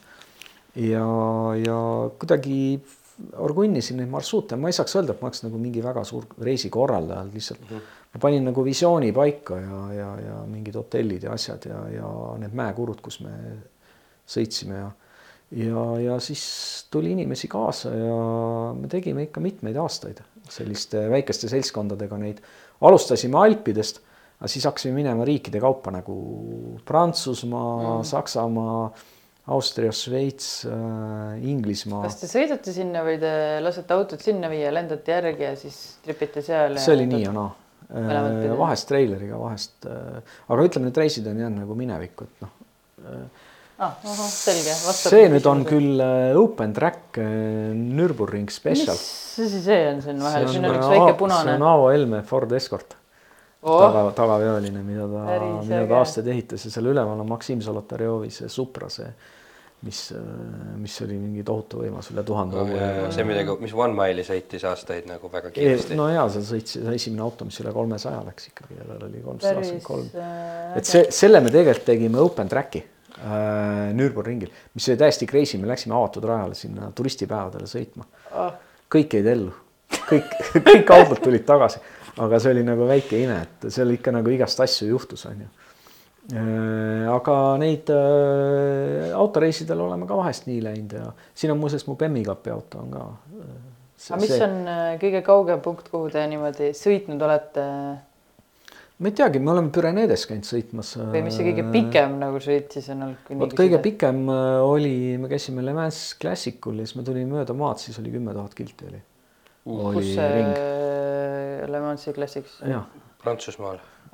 aga see eelmine pilt oli, mis sul oli, see oli meil, me käisime, sõitsime läbi Walesis. Wales on hästi sihuke mägine maa ja seal on hästi palju väikseid kõrvalteid. ja mul oli mingi idee, et on olemas autoajakiri Evo. Ja Evo pikka aega katsetas seal ühel teatud teelõigul autosid, nad kutsusid seda Evo kolmnurgaks, Evo Triangle mm. -hmm. ja see, see saavutas natukene nagu äh, mingisuguse tänava ringraja kuulsuse on ju, kõik, kõik tüübid käisid seal nagu sõitmas ja siis mõtlesin, ma pean selle Evo Triangle'i läbi sõitma ja siis äh, läksime siin äh, veel teiste Porsche klubi kaaslastega läksime Walesi ja kihutasime seal teede peal. mööda maad läksite? seekord äh, vist, osad tulid treileriga, osad mööda maad, et eraldi, et et, et nii ja naa, aga saime Inglismaal kokku ja siis tegime tripi, see oli muidugi täiesti kustumatu elamus, kuna mind üllatas, et inglased on sellised viisakad inimesed muidugi, neil on nagu see politeness on nagu hästi sees. aga liiklejad on täiesti segopäevad, nagu täiesti crazy'd. selles mõttes, et äh, me nii palju pole keskmist näppu ega signaali ega tulesid ega mitte midagi. Nad olid täiesti nagu närvipuntrad, nii kui sa kellestki mööda sõitsid, nad läksid nagu jumala hulluks. Seal nad olid liiklejad, nad olid liiklejatena nii agressiivsed nagu, mitte nagu sõidumaneerilt, vaid suhtumiselt. me okei okay,, me, me sõidame kiiremini, aga me sõidame ikkagi viisakalt on ju selles mõttes, et mitte me ei pane mingit hullu on ju. aga seal ei tohtinud kellestki mööda sõita ja siis oli külade juures olid need mingid speed watcher'id olid, neil olid nagu vestid seljas, speed watching oli peale kirjutatud, videokaameratega filmisid, kui nagu nagu sportauto tuli on ju noh ja me võtsime alati hoo maha. me teinud midagi halba on ju ja, ja me saime seal rusikaid ja ma ei tea, mida kõike nagu äh, üheski teises riigis ma ei ole nii vaenulikku suhtumist sportautodesse kohanud kui, kui Inglismaal, et see, see oli nagu täiesti šokk, ma olin, ma olin nagu jumala üllatunud onju kuskil Itaalias või Prantsusmaal, seal vendadel on näpud püsti, et oh sõida. siin oli see musta Porsche pilt, mis ennem oli, tegelikult seal pildil oli üks väike tagalugu. Ma rääkisin siin, et ing- inglased on, on ju, olid nagu väga negatiivselt suhtusid sportautodega kiiresti sõitmisesse Jah. see pilt, mis siin oli enne mustast Porschest, tegelikult see, seal oli nagu väike taust, see pilt on tehtud Stelvia mäekuru mm, -hmm. Stelvia mäekuru peal. ja me olime Porsche klubiga seal ja me jõudsime sinna Stelvia kuru alla, kui päike hakkas loojuma. ja tee oli tühi, mitte kedagi ei olnud. mina olin esimene auto. Me vist nelja autoga olime. ja ma otsustasin, ma panen gaasi põhja. ja me sõitsime sinna Stelvio kuru otsa, noh, reaalselt nagu nii kiiresti, kui, kui julgust oli, onju. mingi hetk ma vaatasin, see on sada üheksakümmend spido peal, onju. ja, ja, ja, ja tõesti kedagi seal ei olnud ja seal on üks, see üks pool on nagu hästi-hästi sõidetav onju, et noh, sa näed ette ka, et see ei olnud mingi hullupanek, et sa noh. Sirge peal ikka läks kiirus korraks üles ja. ja siis mingi paar kohalikku veel, kes seal olid seal tee ääres, müüsid suveniire, need olid nagu siuksed no.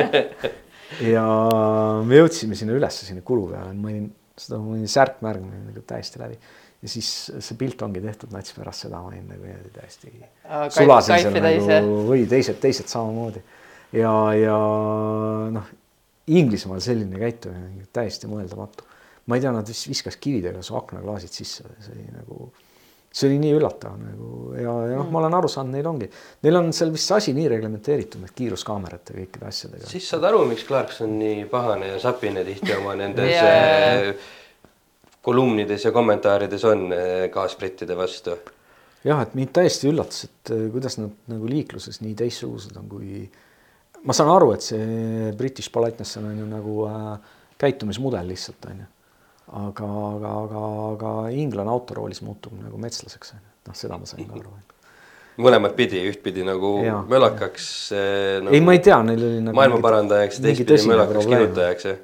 ja mitte, et mul Inglismaa vastu midagi oleks ja, ja Walesi teed on äh, väga lahedad ja seal oli see muuseas eelis, seal ei olnud autosid nii et seal sai kihutada ka vahepeal, et noh. seal ei tahetudki visata klaasi puruks? ei, seal ei olnud kedagi lihtsalt, seal on nii palju neid väikseid teid ja, ja need teed on tõesti sõitmist väärt, et et siin oli see Stelvio Passi lugu, aga, aga, aga, aga jah, neid, neid ringe sai tehtud Euroopas, Püreneedes on üks tee, mida võiks soovitada, on N kakssada kuuskümmend see on niisugune päris pikk teega, on kuskil kolmsada kilomeetrit pikk. et siis sa teele... võtad nii-öelda mingi tee, paned paika, mida tahaks sõita ja, ja siis tekitad ja. sinna üle ümber nagu siis selle marsruudi ja, ja. ja. mingid, mingid muud asjad. ja aga üldiselt nende sõitude eesmärk oli tollal ikkagi äh, kiirust nautida nagu ägedatel teedel on ju, et me käisime, sõitsime neid Monte Carlo ralli kiiruskatseid läbi ja ja kolt-, kolturiinid ja, ja selliseid ja, ja noh, stelviod ja seal on päris palju neid pässe tegelikult mm. -hmm. ma arvan, ma olen Alpides vist kõik pässid mitu korda läbi sõitnud erinevate autodega ja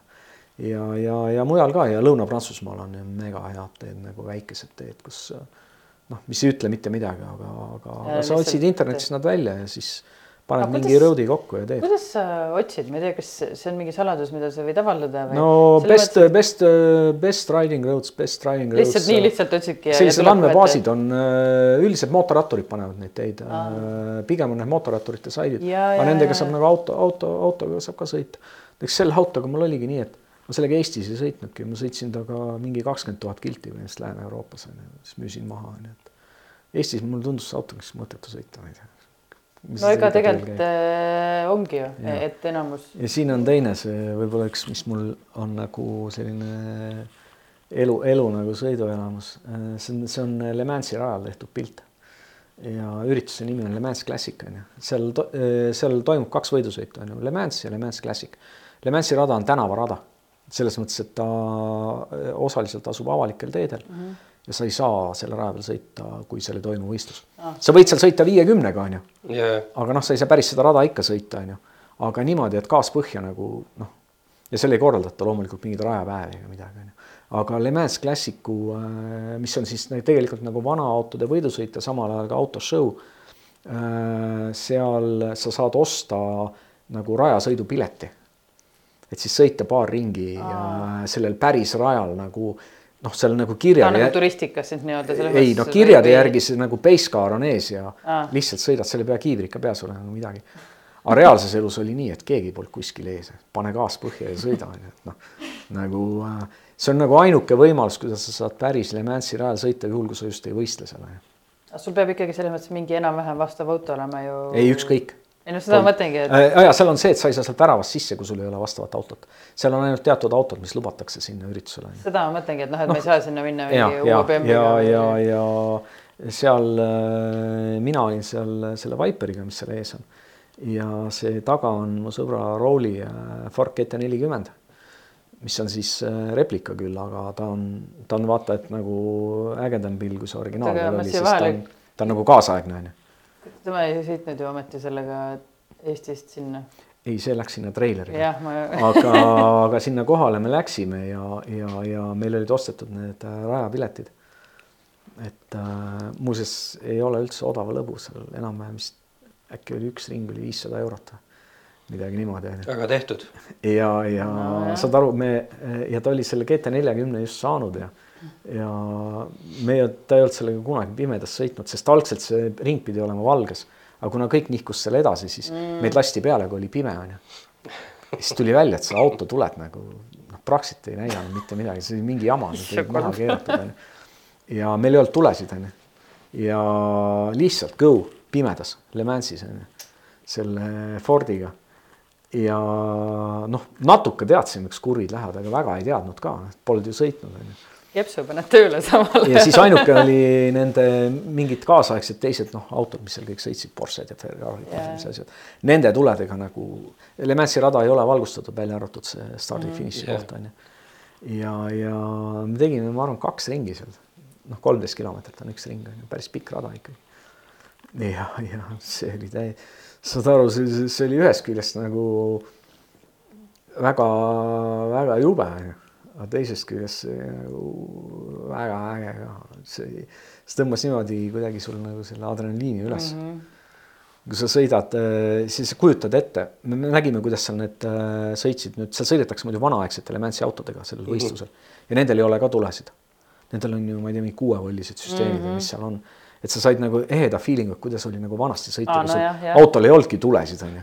ja Le Mansi rada on kardinaalselt erinev rada kui Nordschleife jah, Nad on mõlemad küll legendaarsed ja vanaaegsed rajad, a- aga neil pole nagu mitte midagi ühist peale selle, et nad on nagu legendaarsed rajad. mis on Le Mansis teistmoodi, on see, et ta ei ole võib-olla tehniliselt nii keeruline, onju, sest Nordschleife on hästi nagu künklik ja selline, ütleme seal sa, sa sul ei ole seal nagu puhkehetke, onju, sa, sa, sa kogu aeg tegeled, välja arvatud peasirge. aga Le Mansil on niimoodi, et seal on hästi pikad sirged ja seal on äh, väga kõrge keskmine, noh, see kiirus on väga kõrge. ja sa, sa- sõidad enamik, ma ei mäleta, kas seal oli mingi kaheksakümmend protsenti ajast on gaas põhjas või midagi niimoodi. et äh, ta on nagu hull andmine mööda sirget ja siis tuleb kurv. ja võiks ju arvata, et noh, et see on nagu lihtsam on ju, et äh, kuna on sirged, pikad sirged, aga tegelikult ma ütlen, et äh, keskendumise mõttes tundus mulle, tundub mulle Le Mans raskem rada, kuigi ma räägin praegu natuke nii, et noh, ma olen seal sõitnud mingi neli-viis siin, ringi onju. et siin- äh, mul ei ole seal võistluskogemust, aga mulle tundub, et seal võistelda oleks nagu keerulisem. minu arust viimase Rootsi ralli kohta räägiti umbes sama asja, et äh, jube, jube sirged katsed olid, et mm. -hmm. sirge üheksakümmend kraadi, sirge üheksakümmend kraadi, ja seal jube on, raske pidi olema sõita. Le Mansil on, on just see, et ta äh, kiirus on väga suur, on ju, ja sul on sirge peal nagu jube raske hoida seda keskendumist, on ju. ja, ja, ja vaata, kui telekast vaatad vahest Le Mansi sõita, siis vennad sõidavad lihtsalt välja kuskil sirge lõpus, on ju. mõtled, no mis mõttes, et noh, see ei ole ju keeruline, pidurda maha, keera, on ju. aga ma arvan, seal on sama asi, et sa, sul, sul on raske sõita lihtsalt otse ja istud seal autos, ootad, kuni see sirge ära lõpeb, ehk see Le Mans jättis nagu väga noh, sellise noh, just sellise emotsiooni, et noh, müts maha nende eest, kes seal suudavad nagu võita, et äh, see tundus väga keeruline tegelikult. kuigi võib-olla tehniliselt äh, lihtsam rada ja see, need paar ringi Fordiga ja see on tehtud pärast seda, kui me sealt rajalt maha tulime, ma mäletan, me mõlemad olime sellised, et me oleme elus, on ju, et noh, we did it, on ju. ja muidugi Ford GT neljakümnega Le Mansis sõita öösel. See on midagi, see on nagu midagi, mis meelde jääb jaa, absoluutselt. noh, see auto on, see on hästi väike, tal on äh, neli kaks, tal on seitsme koma nelja liitrine on ju big block mootor on ju. ma ei kujuta ta ei ette, kaalu mitte midagi on ju, kuidas Raul sinna sisse ära mahub. mahtus ilusti. aga ta on väga madal, see GT nelikümmend tähendab nelikümmend tolli on ju, see auto on nelikümmend tolli. meeter kõrge siis. no Ma aga olen- ta siia pillivad, ega ta Viperist nagu no Viper madalam ei tundu. mina olen sellesama Fordiga sõitnud Tallinnas äh, linna vahel ja ma mäletan, et äh, nende linnamaasturitel ma nägin sumbutit ja kõike nägin nagu põhja, põhja sinna all. põhja alla sest sa istud äh, praktiliselt tagumik vastamaad siin onju. et äh, noh, ta on ikka, see on, see on tegelikult ikka võidusõiduauto onju. Aga see on nüüd see trip, mis sul oli see kõige pikem või? ei, see oli üks, üks tripidest, mul on siin vist üks pilt sellest veel, et äh, selle jah, siin on seesama, me lähme sinna Le Mansi. see on äh, ajalooline Reimsi ringrada, ka üks tänavaradadest kuulsatest, et seal on ära taastatud need äh, poksiala. ja siis äh, autoklubidel ikka meeldib seal pilti teha, me käisime seda, tegime pildi ära, et see on meie seekordne seltskond. seal taga on küll üks MG, mis ei olnud meiega koos, aga ta parkis meiega. jah, ta parkis meiega ühte ritta, et seal on meil see kollane auto on üheksa, üheksa, kolm turbo ja siis on, mis seal on üheksa, neli, neli ja siis on üheksa, üheksa, seitse, siis on, mina olin Viperiga seekord ja, ja see Aa. oli, see oli M3, see V8 mootoriga, et mm. -hmm. aga võib-olla nüüd läheksimegi nii-öelda sinu autode yeah. juurde ja okay., ja arutaksime natukene seda ka, et mis on üldse nii-öelda mõistlik ost või, või mida tasuks hoida või. mina tahaks teada, mis on sinu, sinu jaoks äh, olnud sinu kõige ägedam auto, mis sul on olnud nagu, mis on sulle kõige rohkem emotsioone või midagi pakkunud? no, no otseselt ei ole sellist autot ausalt öeldes. mis asja?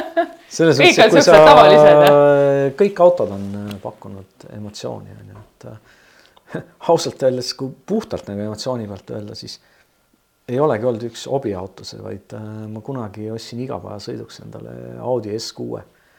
ja ma ei tea, mulle see auto nii meeldis, ma mäletan, ma olin nagu täiesti sillas, see oli manuaalkastiga ja kõike see C5 kerega. aga hobiautodest rääkida, siis äh, noh, kaks tükki, ma arvan, on nagu teistest üle, et on äh, see E30 M3, mis sai täiesti ehitatud äh, ehitatud, siin on oma lugu sellega seoses ja Lotus Exige on ju, millega ma sõitsin pikka aega. et ja. äh, siin on, siin on see. valmis. ja siin on see valmis, et äh, seal on üks eelmine pilt on ka, kus ta on sinist värvi.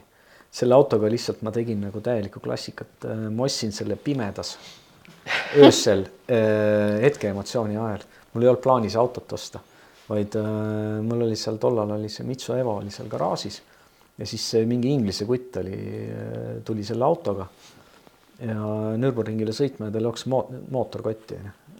noh, lõi kolina sisse mootorisse mm -hmm. ja see auto läks tal katki onju. ja siis vend seal midagi kratsib oma kukalt seal ümber auto ja ja mulle see nagu välimus meeldis, sihuke vaata sile, sihuke kobe onju mm. -hmm. ja küsisin, kuule, et äkki tahad ära müüa onju, et äkki on müügiks onju. noh, lootsin, et noh, odavalt saan ja nii edasi onju ja vend nagu nats mõtleb, ütleb, no ma võin ju müüa küll, onju. ja siis läks juba pimedaks, onju, see, see pilt on ka tegelikult hämarast tehtud, pole.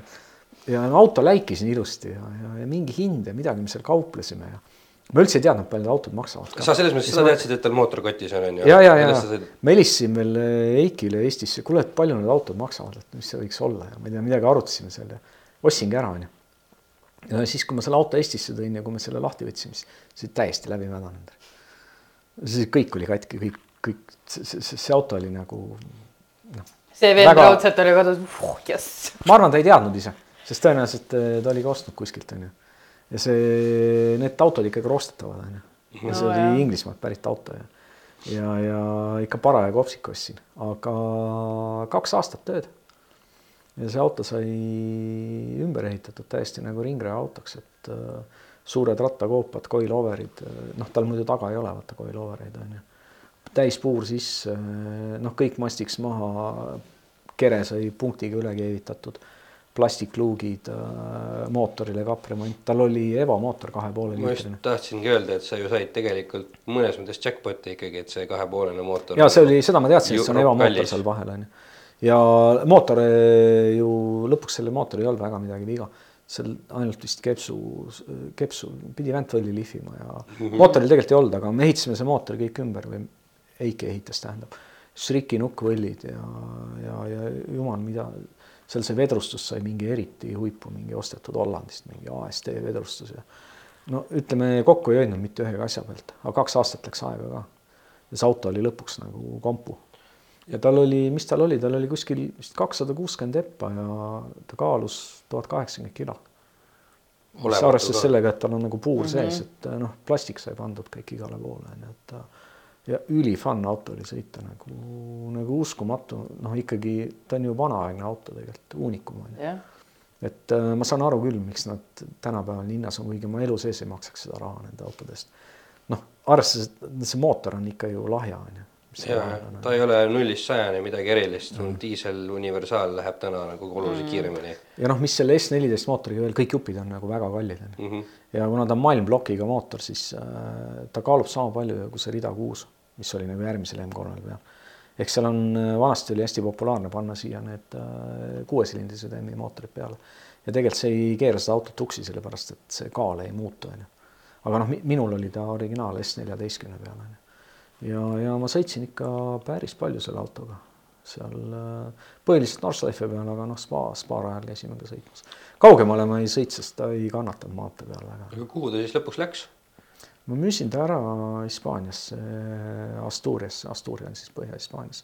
seal ostis üks mees, kellel oli neid veel ja tema tegeles asfaldiralliga. nii et see läks tõenäoliselt ralliautoks, aga mul ei ole andmeid, aga igal juhul Hispaaniasse ta sai ta siis selle nii-öelda ausa hinnaga mõlemas mõttes? jah, siin me liigume natuke juba selle autodesse investeerimise No, jah. maale, et kui äh, see kõik ei olnud üldse odav, onju, Mhm. aga kuna toorik oli õige ehk ta oli nagu M3 E30 Mhm. kere ja siis äh, onju. siis äh, oli võimalik selle auto eest küsida hinda. et äh, ma ei ütle, et ma sain kogu ehitusraha tagasi, aga suure osa sellest, mis on nagu täiesti ebatavaline tuun, noh, auto ehituse, auto tuunimise puhul. üldjuhul kõik, mis sa sinna tuunimise alla paned, see on sul õhku läinud nagunii noh, see on nagu kulu, on ju, et see auto oli nagu erand, et äh, ma tulin sellest projektist peaaegu nulliga välja, et see on nagu täiesti noh, aga kas see võis olla tingitud sellest, et sa lihtsalt sattusid õigel hetkel selle auto omanikuks, sellel kui hetkel, kui see auto oli nii-öelda oma tõusukõvera ja, ja nii oligi jah, ja kõige ma tegelikult kiiruses. ikkagi naljaraha eest ju ostsin, on ju, aga lihtsalt tollal ta ei olnud naljaraha mm.. ja, ja tegelikult maksin üle natuke, on ju, aga, aga see oli just see aeg, no ma mäletan, ma ostsin ta kaks tuhat, kaks tuhat kaheksa sügisel ostsin ja müüsin ära, äkki oli kaks tuhat kaksteist või ja see oli just see aeg, kui need äh, teatud autode hinnad panid mm -hmm. nagu väga püstloodis üles Et- e. E30 M3 oli üks nendest. et nüüd, kui täna rääkida sellest, et täna nad maksavad no alates mingi nelikümmend tuhat on ju mm -hmm., noh suht-koht alates. ma mäletan, et kui sina ostsid, siis Eiki äkki käis samal ajal vaatamas ka mingeid ja siis oli juttu isegi sellest, et kõige odavamad olid mingi kaheksa, üheksa, kümme no tema ostis ennem mind, ta Ja ostis ka kopsika onju. jah, ja nad olid sinna mingi kaheksa, üheksa tuhat ja kümme tuhat euri ja natuke mina peale. maksingi vist kümme tuhat, ma arvan noh, midagi sellist, aga noh, muidugi mootor oli kotis. see, et äh, läikiva värvi all oli nagu roostekopsik, see, seda mul muidugi tollal ei teadnud, mina mõtlesin, et kõik on fine onju. aga Jaa. noh, see ei jäänud mul viimaseks korraks, kui ma roostekopsiku ostsin. kas sa näed seda näiteks, et kui täna osta see neljakümne tuhande eest, kas tal oleks enam kuhugi tõusta? No kes meist ette näeb, aga muidugi nende autodega on see, et ma arvan, et äh, nad hoiavad oma väärtust.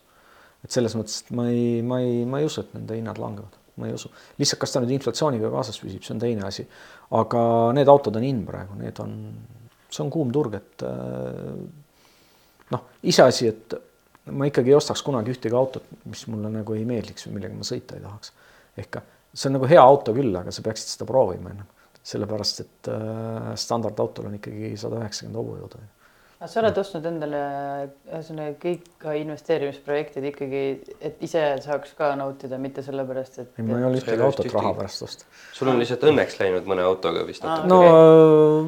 mõnega õnneks läinud, mõnega mitte, et oleneb, aga, aga ei, ei, ei noh, tollal ma ju keegi ei teadnud, et need autode hinnad nagu sinna mm -hmm. lähevad, et äh, siis ju sai neid äh,, ma mäletan nii hästi see mingid Lancia Delta Integraled, need kõige ägedamad, need Evo kahed maksid mingi kakskümmend viis tuhat euri ja ma mõtlesin, et kes see idioot on, kes selle ostab, onju. või, no, või... auto sõiduomaduste mõttes ta ei ole ju seda väärt selles mõttes. no ma ei oska Integralit kommenteerida, ma pole sõitnud, aga, aga noh, siis oli, on ju, ma ise, ma ise mäletan, ma käisin ühes autopoes, vaatasin ühte autot, mis ma tahan osta ja seal oli müügil Porsche üheksa üheksa kolm GT2, mis on see ho- homologeerimisspetsial on ju. Ja see maksis, see maksis äkki mingi kakssada tuhat eurot või midagi niimoodi. no see on minu jaoks täiesti müstiline hind on ju. täna maksab kaks miljonit.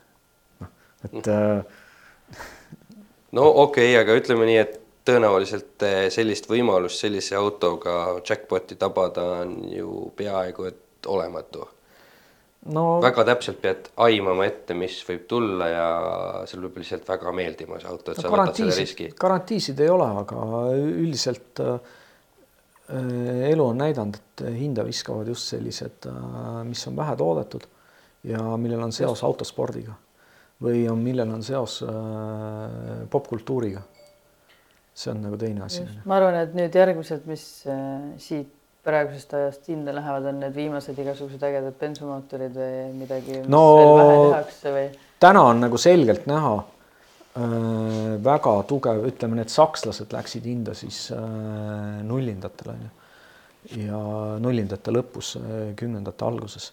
täna viimased nagu kolm-neli aastat on ülijõuliselt tõusnud JDM autode turg. jaa, on küll jah. noh, need ei, need ei tulnud kohe kaasa tollal, kui Porsched ja need äh, BMW-d äh, hakkasid oma hinda viskama, veel ei räägitud Impresadest ega Evadest on ju, ei, ei olnud kakskümmend kaks B ega Tommy Mäkinen nagu teema. vaata, mis need täna maksavad, on ju, noh, hullumeelsed hinnad on ju. ei no isegi mingi Suprad ju mõni aeg on... tagasi ei olnud veel mitte midagi. ja isegi need uued, äh, ütleme, siin on nagu Eva üheksa pilli peal, see on mu esimene Northlife track tool, millega ma rada õppisin, on ju isegi nende hinnad täna on nagu kuskil nagu arusaamatutes kõrgustes. ja, sest täna tahetakse sellise eest, mis on, mõnda käid vaatamas, on ilmselgelt ümber puu kenasti olnud ühel hetkel sätitud äh,. küsitakse üle kolmekümne tuhande ja ometigi ma jäin küll ühest ilma, aga üks vene numbritega oli mingi pakuks kolm-neli aastat tagasi Äh, pakuti üheksa tuhandega müügiks, RS veel. noh, see, et no. oli vene numbritega, aga küll oleks kõik saanud ta ka Eestisse kuidagipidi ikkagi lõpuks arvele või mis iganes. aga võtta seda asja nagu üldisemalt kokku, siis tundub, et äh, kui me ei räägi nagu päris investment grade autodest, mis on seal mingid äh, enne teist maailmasõda, ma ei tea, mingid üksikeksemplarid ja sellised asjad, et kui me räägime nagu sellistest, kuhu, mida nagu tavainimene jaksab ka osta, on ju, siis see käib põlvkondade kaupa. kui jõuab, äh, jõuab see põlvkond, kes nooruses neid autosid fännas, jõuab vanusesse, kus neil tekib ostujõudu, on ju, seda autot osta, siis see põlvkond nagu autodest tõuseb. see JDM-i case näitab täpselt, on ju, need autod äh, olid äh, autospordis on ju pildil. või Fast and the Furious. ja filmis. nad olid popkultuuris pildil on ju, noh, mõlemat pidi on ju, et noh, võib-olla need rallikad olid rohkem nagu spordis on ju ja Skyline'id ja need olid rohkem on ju, olid äh, siis nendes filmides on mm -hmm. ju mhm et noh, kui, kui seal oleks äh, Supra asemel olnud äh, kolmsada ZX, siis võib-olla see maksaks täna nii palju. kuna ei olnud kolmsada ZX, siis maksab Supra nii palju. Supra oli kümne sekundi auto mm. -hmm. et äh, see mõjutab hästi palju, et noh, ma arvan, see loogika nagu jätkub, et mis on mis on mingi põlvkonna nagu plakatiauto, see on kakskümmend aastat hiljem auto, mille ja, väärtust, mille väärtus tõenäoliselt nagu on tugev ja vastupidi, on ju täna viiekümnendate, kuuekümnendate autosid nagu noh, need inimesed on juba pensionil ja nad. Nende väärtus hakkab juba langema. ütleme jah, et äh, nii, nii lähevad ka nagu autod moest ära, ma arvan, ma arvan, et see on natuke moevärk ka mm, -hmm. kui me räägime nüüd autodest, mis ikkagi jäävad nagu mingi inimmõistuse. noh, mina, mina ise kujutan ette, et äh, see sinu nii-öelda talverelv. on see... tõenäoliselt see, mis vähemalt hoiab oma hinda. ma arvan ka jah. see on, äh, see on selline huvitav fenomen, et äh, jälle üks auto, mis ma üldse ei plaaninud nagu omandada, onju, ma lugesin, et sihuke auto tuleb välja, mõtlesin, mis seal ikka, so what onju. aga mul jäi sellest, siin oli see Evo pilt, mul sellest Evost tegelikult jäid nagu head sellised mälestused. ma kasutasin seda õppesõiduautona seal äh, Nürburgringi peal põhiliselt, ma sellega nagu libeda peale väga ei jõudnudki, müüsin -hmm. ennem ära. ja, ja, ja, ja siis lihtsalt tegin proovisõitu ja ütlesin, kurat, see on nagu Evo, aga kõvasti parem mul oli täpselt sama tunne muideks, kui ma selle autoga proovisõitu tegin. ja mis oli Evoga, oli see natuke, et temaga oli nagu igapäevaselt nagu jube nõme liikudes tal äh,. tal see turbolaag oli suhteliselt suur ja, ja sidur oli nagu äkine, vähemalt minu eksemplaril on ju. et see foori tagant äraminek oli alati sihuke, et kas lähed nagu mingi street racer või siis lähed nagu pensionär on ju. ja see auto, tal ei ole mingit laagi eriti on ju ja, ja kõik kuidagi toimib, noh, sest ta on viisteist aastat uuem mudel on ju umbes on ju. ja see on mega fun auto, see on, mulle see auto nii meeldib nagu, et äh, ma isegi ei ole kindel, kas see on, äh, kas ma tahaks igapäevaselt sellega sõita või oma igapäevaautoga, et äh, kuigi ma ei ole sellega nüüd igapäevaselt väga sõita, aga ma olen kahe talvega olen sellistel külavaheteedel kümme tuhat sellega maha sõitnud, lihtsalt lõbu pärast. okei okay,, natuke olen niisama ka sõitnud, aga see ikka päris suur suurusjärk on ju. Need on kõik seal Hageri ja, ja Jah, Saue ja, ja seal, seal ümbruse teed on ju, et just no, tavaliselt natuke samamoodi nagu ma siin eelmises saates Pirita ringrajast rääkisin, et kui pimedaks läheb, noh, talvel on lihtne, kogu aeg Mhm. on pime. ja selle juures sa ei pea isegi kiirust ületama, et lõbus oleks. seal on ju mingi kuuekümne ja No- kaheksakümne alad, eks ole, et noh, ütleme nii, et pimedas ikka ma olen sõit nii kiiresti, kui õllust on, aga muidugi avalik tee on ju, et selles mõttes, et äh, sa ei pane ju teisi ohtu, sellepärast Jaa. ainult pimedas saabki sõita, et mm -hmm. ja õnneks jalakäijad seal talvel nagu ei liigu nende teede peal on ju, et no, ma suvel selle autoga väga ei, ei sõida, aga nüüd ma olen kaks talve sellega käinud lihtsalt fun imas ja ja saad aru, see on, see on uskumatu, et tänapäeval veel selliseid autosid tehakse, et äh, tal, mis tal on hästi suur eelis, mis üldse auto puhul ma arvan, on tähtis, ta on kerge onju, noh suhteliselt kerge onju. ta on about mingi sada viiskümmend kilo kergem kui Evo onju, noh suurusjärgus on. see ikka tuhat kolmsada. ta on natuke alla tuhande kolmesaja onju see on tänapäeva mõistes ikkagi kerge onju täiesti sulgkaal. et äh, mis tal natuke fun imisega on see, et äh, tal saab küll panna seitsekümmend protsenti taha ratastele onju, et noh mm -hmm. sa saad ta teha selliseks. aga ta on jube stabiilne ja mis tähendab seda, et kiirus läheb jube ruttu üles, tal see nelivedu töötab kuidagi nii hästi, et ta, ta võiks natuke aeglasem olla, ütleme nii. Kiirus läheb jube suureks. aga, Aga- aga ülifun auto. aga noh, nii-öelda raha mõttes tulla tagasi, siis äh, nende uue hind on vist circa nelikümmend, eks ole, natukene jah, peale jah. tahtsin just varustuse. öelda, et Jah. investeerimismõttes see vist on juba siis kallim, kui sa temaga poest välja sõidad. alguses ta kukub, nüüd nad on kukkunud mingi viiekas, aga nad on juba kolm aastat vanad autod, mis on viieka kukkunud. ja nad on juba paarkümmend tuhat sõitnud, et siis ongi, et nad ilmselt on oma kukkumise ära teinud ja nüüd neil enam väga palju kukkuda pole, vaid hakkavad ühel hetkel lausa tõusma. palju nad siis lõpuks kokku neid tegid? Alguses oli ju. kahekümne viiest tuhandest oli jutt vist. alguses ja tegid aga ühe. pool tehti neid Jaapani äh, spetse, mis olid äh, esiveolised. aga nad tegid ühe satsi veel juurde ju sellepärast, et noh, mingi jutt oli, et nad suurendasid seda osakaalu seal nende neliveoliste kasu mm -hmm. hakkasid nagu, et alguses oli plaanis nagu esiveolisi palju rohkem teha, aga siis nad võtsid esiveoliste kvoodist, tõstsid nagu neliveoli liinile no. nii-öelda. muidugi vaata, eks selle autoga on jälle niimoodi, et äh, see on natuke nagu see klišeelik ropp anekdoot tüdruksõbrast on ju, et äh, et äh, mitte järgmisele jätta, et seda autot nagu äh, niimoodi investeerimisena, et poleerid teda ja hoiad ja teda heas korras ja ei sõida palju, et noh, ma ei tea, see auto on mõeldud nagu sõitmiseks, et et Ai, siis noh, sellel ei ole võib-olla, vähemalt mina ei ole selline inimene, kes minu jaoks on autod kõik sõitmiseks on ju, et ralliautot hoida nagu äh, muus noh, nagu sellises heas korras vähe läbi sõitnud ja nii edasi, et kollektsiooniautona, et äh, peab olema väga suur tahtejõud, ma arvan. aga tegelikult tahakski küsida sellist asja, et kas sinu arust nagu sellisel auto investeerimisel mõtet on, kus sa ostadki selle auto ja poleerid teda, hoiustad teda kakskümmend, kolmkümmend, nelikümmend aastat ja siis kujutad ette, et sa nüüd müüd selle oma pensionisambaga maha, pensionisambaks maha siis nagu. No üldiselt tegu on ju alati inimese vaba tahtega on ju, tema vaba tahte väljendusega ja inimesed teevad ikkagi seda, mis neile meeldib on ju. et kui, kui see sulle meeldib, siis äh, sa saad sellest emotsionaalselt nagu mingit naudingut, siis on see okei okay, on ju.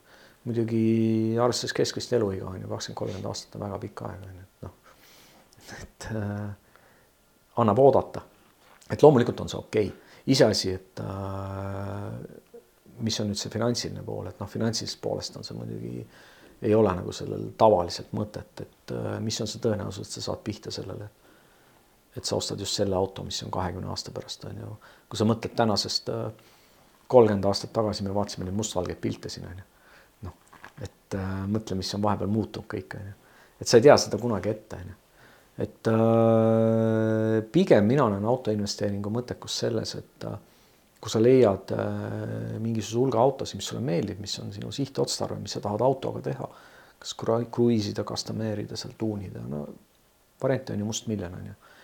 et sa valid nagu võib-olla mingi mudeli, millel on potentsiaali ja lõpuks äh, kui sa selle kunagi maha müüd, siis su omamise kogukulu on selle võrra väiksem, et sa oled ostnud nagu selle õige baasi või selle õige mm -hmm. mudeli on ju. ja loomulikult igasugune auto ümberehitamine on nagu puhas kulu on ju noh hea, kui sa saad originaali raha, tihti tuunitud autod maksavad, ümberehitatud autod maksavad vähem kui, kui originaalsed autod on ju, et mm, -hmm.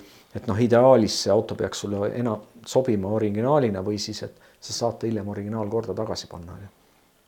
noh, vahetad selle ära, võib-olla seal veeljed vedrusse, midagi paned, aga sa saad, need on kõik nagu, et sa saad need modifikatsioonid tagasi pöörata. No absoluutselt. Panna ta originaali on ju, et, et see on, siis on tõenäosus, et sa tuled selle väiksema kogukuluga välja suurem, sest noh, kui me räägime külmalt rahast, siis äh, autod ei ole külm teema, on ju, et see on sul emotsiooni teema, sa, sa pead saama sealt tagasi, muidu ei ole sellel asjal mõtet, on ju, sa pead saama seda satisfaction'it, seda emotsiooni, on ju. et seda ei ole mõtet hakata arvutama seal mingi kalkulaatoriga, et äh, pane SB viissada indeksisse või Nasdaqisse, Nasdaq sajasse ja, ja, ja sul on palju vähem nagu muresid ja rohkem raha on ju -hmm. iseasi, et äh, raha on äh, üldse ju äh, selline substants, mida ei eksisteeri tegelikult, et noh, et see läheb juba filosoofiliseks. ei, seda küll jah, aga noh, ütleme nii, et minu arust on hea näide see, et kui oleks tuhande üheksasaja kuuekümne seitsmendal aastal ostnud selle esimese üheksa üks ühe on ju mm, -hmm. pannud selle, ma ei sõitnud sellega vähe, iga aasta natukene ainult sõitnud teda, hoidnud teda ilusasti hästi kogu aeg garaažis, õli vahetanud, hooldanud, siis täna selle auto mahamüümisel oleksid sa saanud täpselt nii palju raha, et sa oleks võinud minna Porsche esindusse ja osta endale uue üheksa üks ühe on ju. nojah, aga põhimõtteliselt, et noh, kuus, kuus, kuuekümne seitsmes aasta oli, ma nüüd võin eksida, mingi viiskümmend kuus aastat tagasi, viiskümmend seitse või midagi sellist, et Päris pikk ikka päris ajahorisont, vana mees, et ma ei tea, kas see nagu jalg enam sealt see nagu jalg üle selle uksepaku läheb seal Porsche esinduses, et no. et äh, me räägime väga pikkadest ajavahemikest on ju, et mm. -hmm. kui sa võtad suvalise börsiindeksi, siis noh, see lööb pika puuga tõenäoliselt selle nii-öelda tolle aja hinna ehk mingi kolm tuhat viissada dollarit, mis ta võis maksta selle ajal. noh, Ameerika näitajat on lihtsalt hea tuua, et seal on sama, seal on sama valuuta kogu aeg säilinud, on ju, et eh, siis oleks tõenäoliselt Nasdaqis või selle SB viiesajaga olnud see väärtus üle miljoni. no ma ei oska niimoodi öelda, aga suurusjärgus, aga muidugi on olemas autosid, mis on löönud börsiindekseid. Noh, siin kõige tuntumad võib-olla on Ferrari kakssada viiskümmend GTO on ju või hilisemast ajast on ju McLaren F1. ja, ja, ja, ja neid on nagu mõningaid veel on ju, et äh, ja siis on olemas muidugi mingid unicorn'id on ju, mida on tehtud ainult mingi mm -hmm. paar tükki. mingi viis tükki või? Või siis- ei vaheta omanikke peaaegu, aga siis- need tavaliselt mängivad sellises hinnaklassis, mis äh, on ikkagi jõukohased nagu vähestele on ju, et noh, me oleme siin Nick Masoni kahesaja viiekümne GTO-st nagu lugenud ilmselt kõik või kes vähemalt teemadega kursis on. noh, ikkagi omal ajal ka. äh, ega ta seda autot nüüd päris odavalt ei ostnud, on ju, aga ta oli Pink Floydi trummar, tal oli raha on ju. noh, lihtsalt, et see täna auto, see nii kallis on, et äh, või, või või noh, siin on veel neid näiteid, et, et, et see on natukene nagu teine tase, et kui sa oled äh, juba investeerimas suuremaid summasid, siis tavaliselt äh, nendel inimestel on nii palju raha, et see autode osa moodustab nende portfellist mingisuguse väikese osa, on ju. Neid kutsutakse alternatiivseteks investeeringuteks, on ju, nii nagu kellad, vein, kunst, mis iganes, on ju. ja autod on ka üks selline osa. aga see on natuke teine maailm, aga kui me räägime autofännidest, siis äh, tavaliselt me ei opereeri siin sadade tuhandetega, on ju, keegi, et no. Et ikkagi tasuks vaadata neid autosid, mis äh, ütleme, limusiinid tavaliselt ei hoia hästi väärtust, on ju, noh, luksus. ja maksavad ometi uuena palju, on ju. ja aga nad kaotavad ka ruttu väärtuse on ju, aga noh, ma ei suuda nimetada nagu hea investeerimispotentsiaaliga limusiine või, või mis oleks näidanud nagu, et noh, nad on tulevad, et nad kipuvad ikka olema rohkem sinna äh, sportautode või kabriolettide või selliste. GT-autode poole on ju. no kas need mõlemad on sul praegu alles? Porsche on alles äh,, Viperi ma müüsin ära ja, ja see on nagu esiteks ilus pilt, see on Sergei Zjuganovi tehtud. rippus kuskilt välja katuseluugist ja pildistas aga, aga teiseks kuidagi sattusid sama värvi ka olema autod ja ja, ja see oli huvitav paar, kuna nad on umbes sama, nad ei ole päris sama põlvkonna autod, aga noh, suurusjärk on nagu sama onju ja, ja, ja mõlemad on sellised äh, väga nagu teistmoodi autod võrreldes tavaliste autodega. Ja, ja täiesti erinevad, aga samas nad võivad täita ühte funktsiooni, olla nagu sihuke äge hobiauto on ju, et et noh, ma isegi, ma isegi ei oska peale nelja ratta midagi ühist leida Viperil ja üheksasaja üheteistkümnel. Nad on kiired mõlemad, mõõdukalt kiired. no Viper paneb ikka pika puuga Porschele ära nagu, kui sirge peal sõita onju. ma arvan kurvides ka, ta on üllatavalt hea juhitavusega auto tegelikult. huvitav, ma olen just vastupidi lugenud. Ta vist tapab väga järsku lihtsalt. no Viperis on selline asi, sa istud tagarataste vahel sisuliselt on ju, tagarataste peal. et sa tunned seda ja tal on äh, see rool on üle võimendatud küll nagu Ameerika autol, aga tal on, äh, ta ei ole üldse alajuhitav nagu, et ta on, ta on nagu küllaltki neutraalne ja ta on hästi terava sissekeeramisega. et sõidutehnika nendega on täiesti erinev nendel autodel on ju. Viperil on pöördemoment on väga suur, aga ta mootoriga ei pöördu, seda on kaheksa liitrine mootor on ju. Juba tühikäigust tõmbab noh, täiega, aga tal, ta on täiesti lineaarne, tal ei ole üldse mingit nagu sellist kiirenduse tõusu on ju natuke mm -hmm. meenutab nagu sõidaksid mingi, kas nagu veoautomootor või auru mm, -hmm. auruveduri mootor või midagi selline.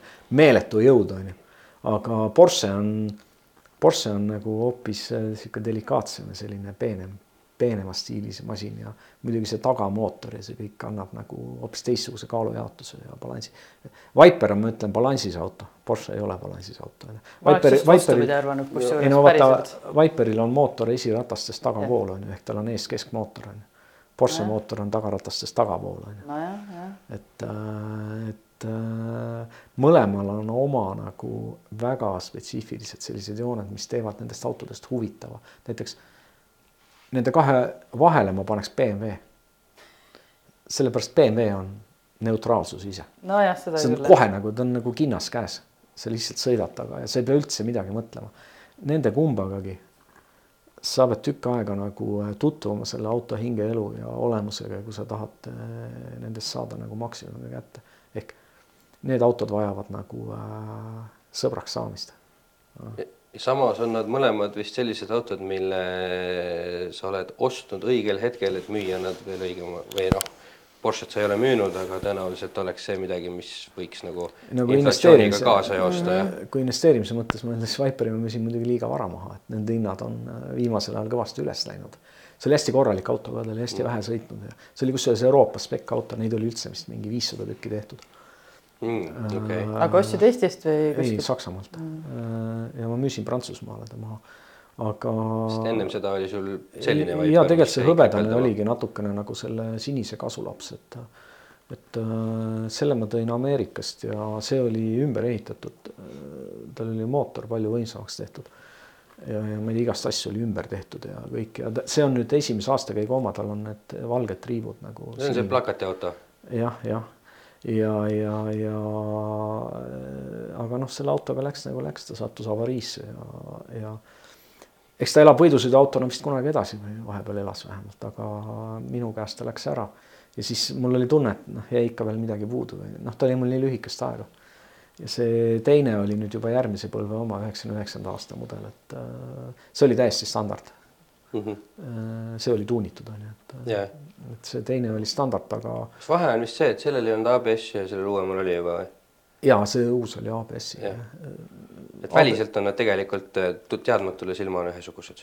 ja, ja kes ei tea, ei noh, muidu välimuselt on sama, aga seal oli mingid vahed olid sees, aga Viper on täiesti omaette loom, et ta, ta on, äh, tundub suur auto, tegelikult on sama suur kui üheksasada üksteist. ta on mm -hmm. natuke laiem, natuke madalam, ta on täpselt sama pikk, onju kabiinis ruumi üldse ei ole, siis istud nagu. üldse nagu, ma arvan, et tema see pikk nina jätab piltidest mulje, et ta on sihuke ilgelt suur mürakas. aga noh, disain on minu arust super, mulle meeldib. ei no kõik.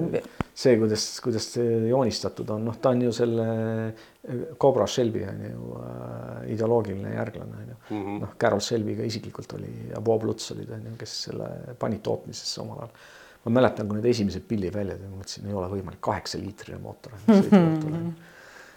laevamootor, eks ole. jah, jah, noh, tegelikult oli küll pickupi selle traki mootor on ju, et noh, kastikamootor yeah., aga vahe oli selles, kastikal oli ta malmist, siin oli ta alumiiniumist on ju, et et äh, väga spetsiifiline pill ja, ja ta ei ole igaühele, auto ei ole igaühele, et selles mõttes ta kas sulle meeldib või sa ei taha temaga üldse sõita.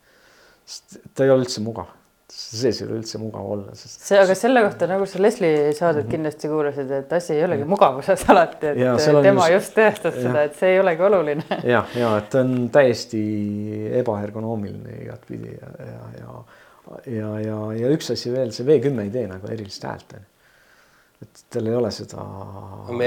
Ameerika sellist. seda tal ei ole jah aga ega ta muidugi nagu märkamatuks ka ei jää selles mõttes, kui ta sinust möödub. mul on äh, õnnestunud ka uuemate versioonide kõikidega sõita, need kõik on ühesugused. isegi see kõige viimane on tegelikult on olemuselt on sama nagu see vana, lihtsalt mm elektroonikat on rohkem peal ja ta on paremini juhitav ja kõik on nagu, aga, aga nad ongi ju alt on samad, ta on mm -hmm. tehtud ju karprauast ja siis plastikust kere peale pandud. ta on tavalisest mustast karprauast.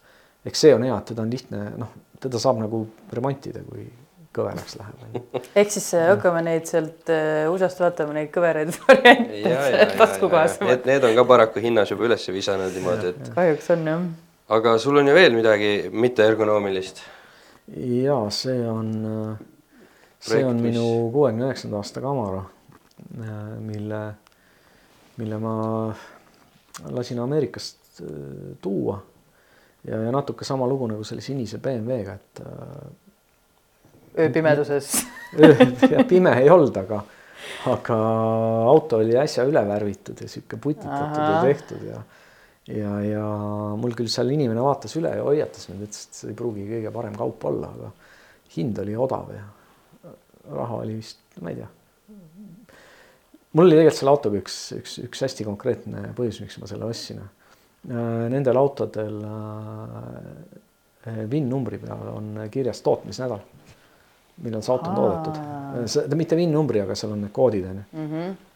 ja see auto on toodetud samal nädalal, kui ma olen sündinud aa, sihuke natuke põnev äh, see. ma ei tea, mul tekkis kiiks, et ma pean selle ostma. ja kui see auto kohale tuli, ma sõitsin temaga siin päris mitu aastat ringi ja läikiski ilusti ja natuke värv mullitas kuskilt ja mootor küll vajas remonti ja Erki, Taavo Erki Vitsut Erki Engineeringust tegi mootorile ilusa remondi, mootor täis nagu siidi. Ja siis äh, ma rääkisin Erkile, et tead, et peaks üle värvima, et siin natuke värv mullitab ja okei.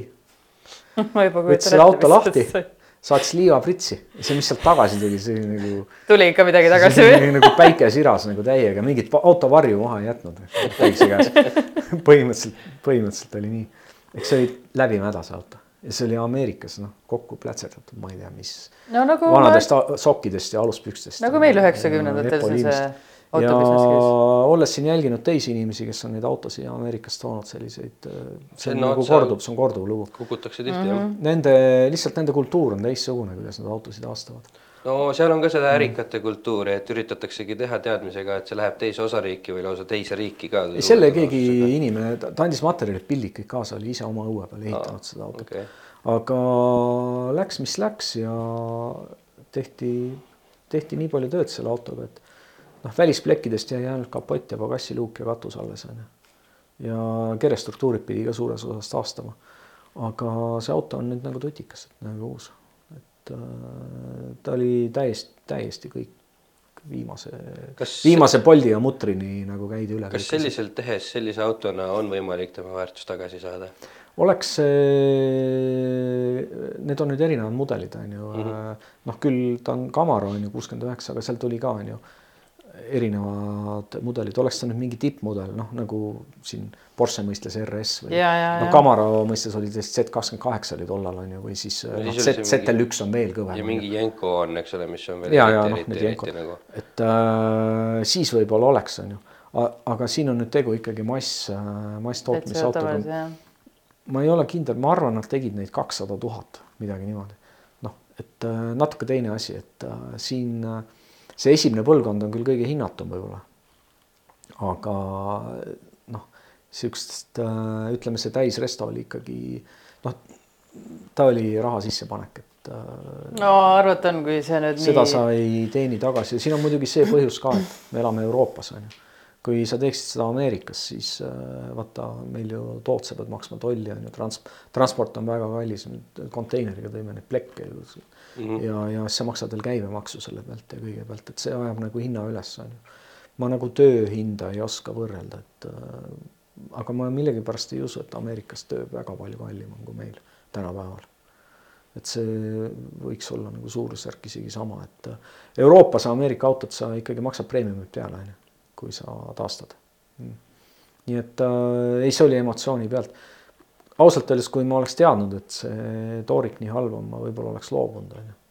aga kui ta Livio ja Britsist tuli, siis enam ei ole no, midagi. siis oli selg vastu seina, siis tuli ära teha, aga nüüd on see auto mul olemas ja ta sai juba valmis päris ammu, mingi kaks tuhat kuusteist äkki või aga.... ja ma olen iga aasta sõitnud nüüd, aga. naudid seda sõitu sama palju kui seda numbrit või seda teadmist äh tema nagu sellest äh, sihukest ai, mentaalsest temaga on väga mõnus sõita väga kihvt numbrimärk on tuhat üheksasada kuuskümmend üheksa või I. ja, ja selle ma muidugi idee kopeerisin siin äh, üks punane imperial, roheline imperial kunagi oli.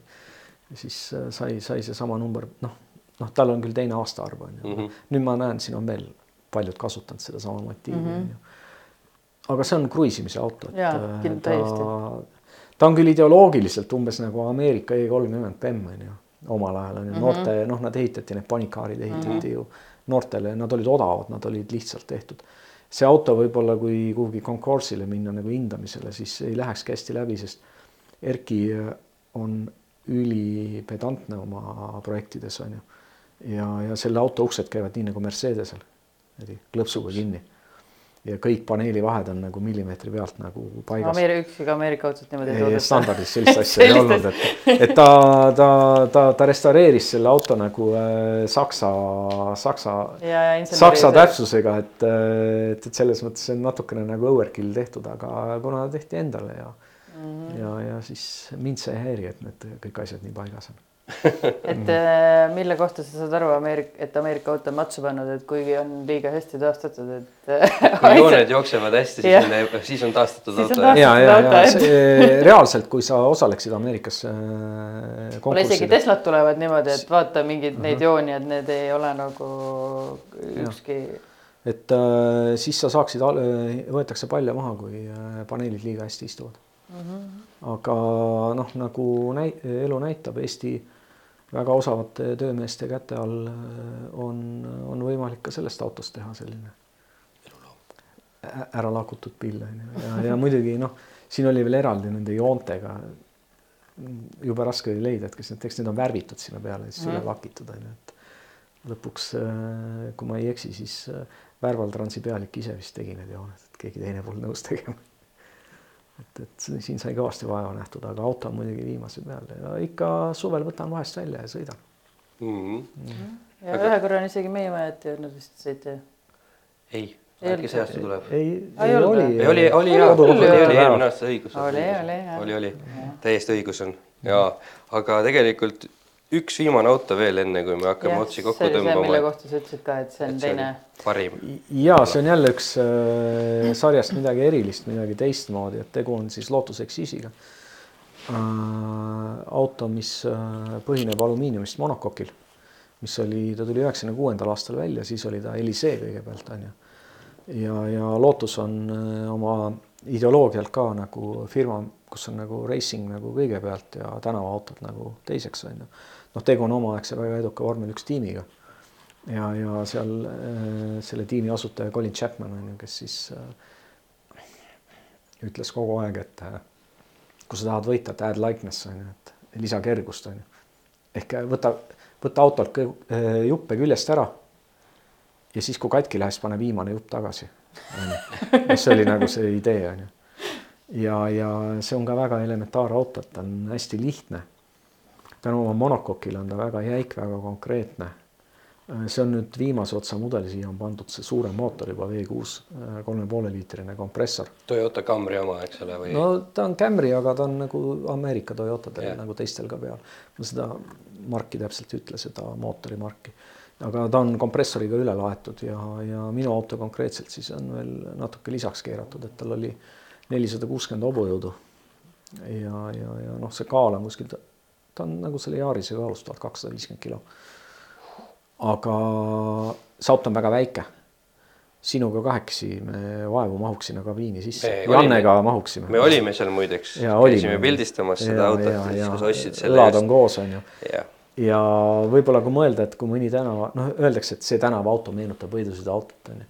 no üldjuhul on tegu täieliku jamaga, sellepärast et võidusõiduautod on hoopis teistsugused kui tänavaautod on ju, nad ei kõlbagi tänaval sõita, siis see on midagi, mis on nagu close enough, et kui sa sellega sõidad, siis tal on natukene nagu selline, sellise mini Le Mansi prototüübi tunne, kui sa seda sees istud, sest tal on see kumerklaas.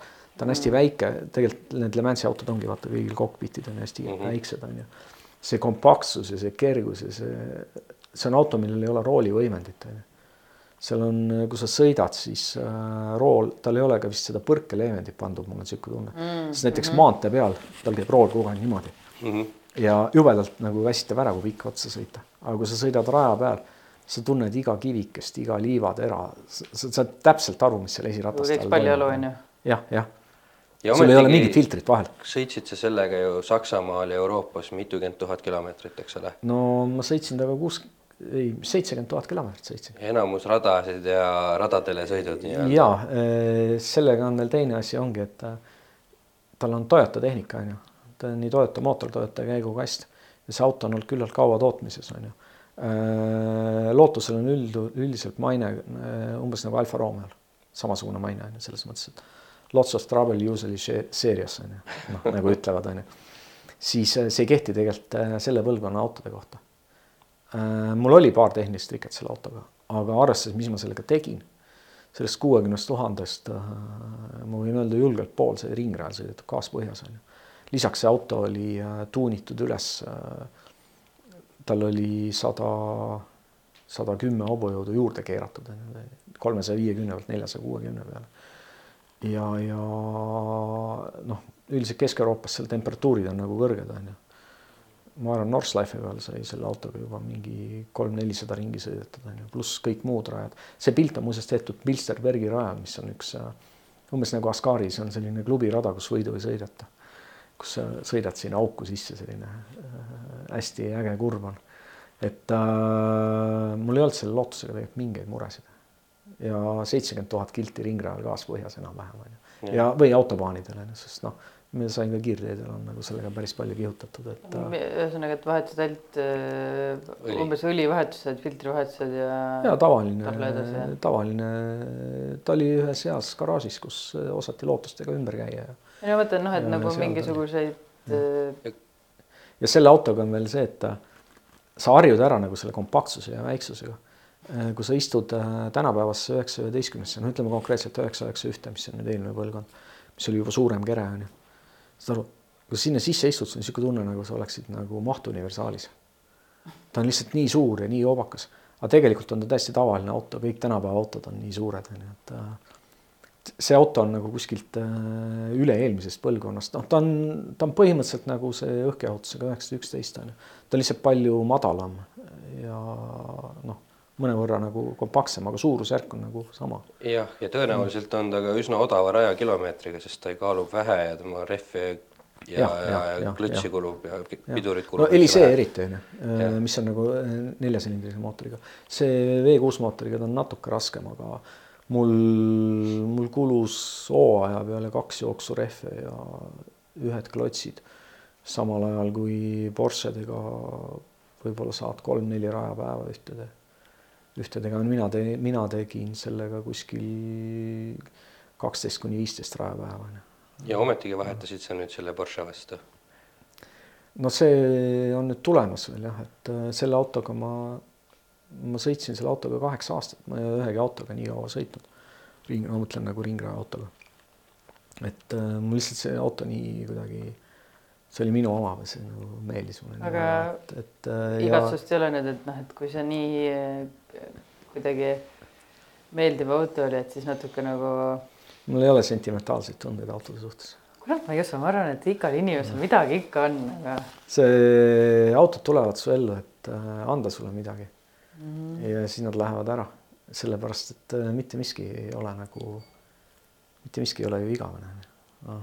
et, et äh, mul on kõikidest oma autodest nagu head, head mälestused, aga ma ei usu, et ma ühtegi taga ei igatse. sellepärast, et alati on järgmine.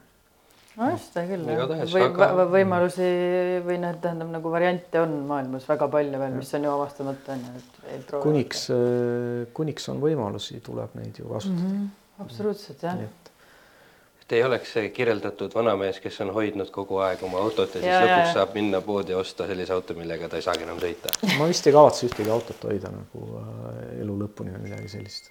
vähemalt praeguse plaani järgi. no praeguse plaani järgi jah, et äh, autod on sõitmiseks ja, ja autosid on palju ja neid tuleb proovida ja, ja, ja Ja- kuidas see mitmekesisus rikastab. ja enne kui me küsime nüüd meie viimase, päris viimase küsimuse, siis muidugi pange like ja follow ja puha. Nii et nüüd Peebule siis see viimane küsimus, klassikaline, et mis on see üks asi, mida oma autoga kunagi teha ei tohiks? ja ma teadsin, et see küsimus tuleb ja, ja, ja, ja Peep on korralikult kuulanud, vaadanud meie saateid. jah, jah, ja ma tean ka kõige tüüpilisemaid vastuseid ja need kindlasti kõik on õiged, et äh, samas äh, mina ütleks, et igaüks teeb oma autoga seda, mis ta ise tahab. Ja, ja see on ainult nagu võib-olla kõrvalseisja arvamus on ju, et mida ei tohi teha mm, -hmm. ei tohi teha, sest kui inimene seda teeb, siis ta juba teeb, on ju, et ei küsi kellegi käest, kas tohib või mitte, aga noh, mida ma isiklikult oma autodega ei teeks, on ju. ma ei hoiaks neid garaažis ega ei poleeriks ainult. Mm.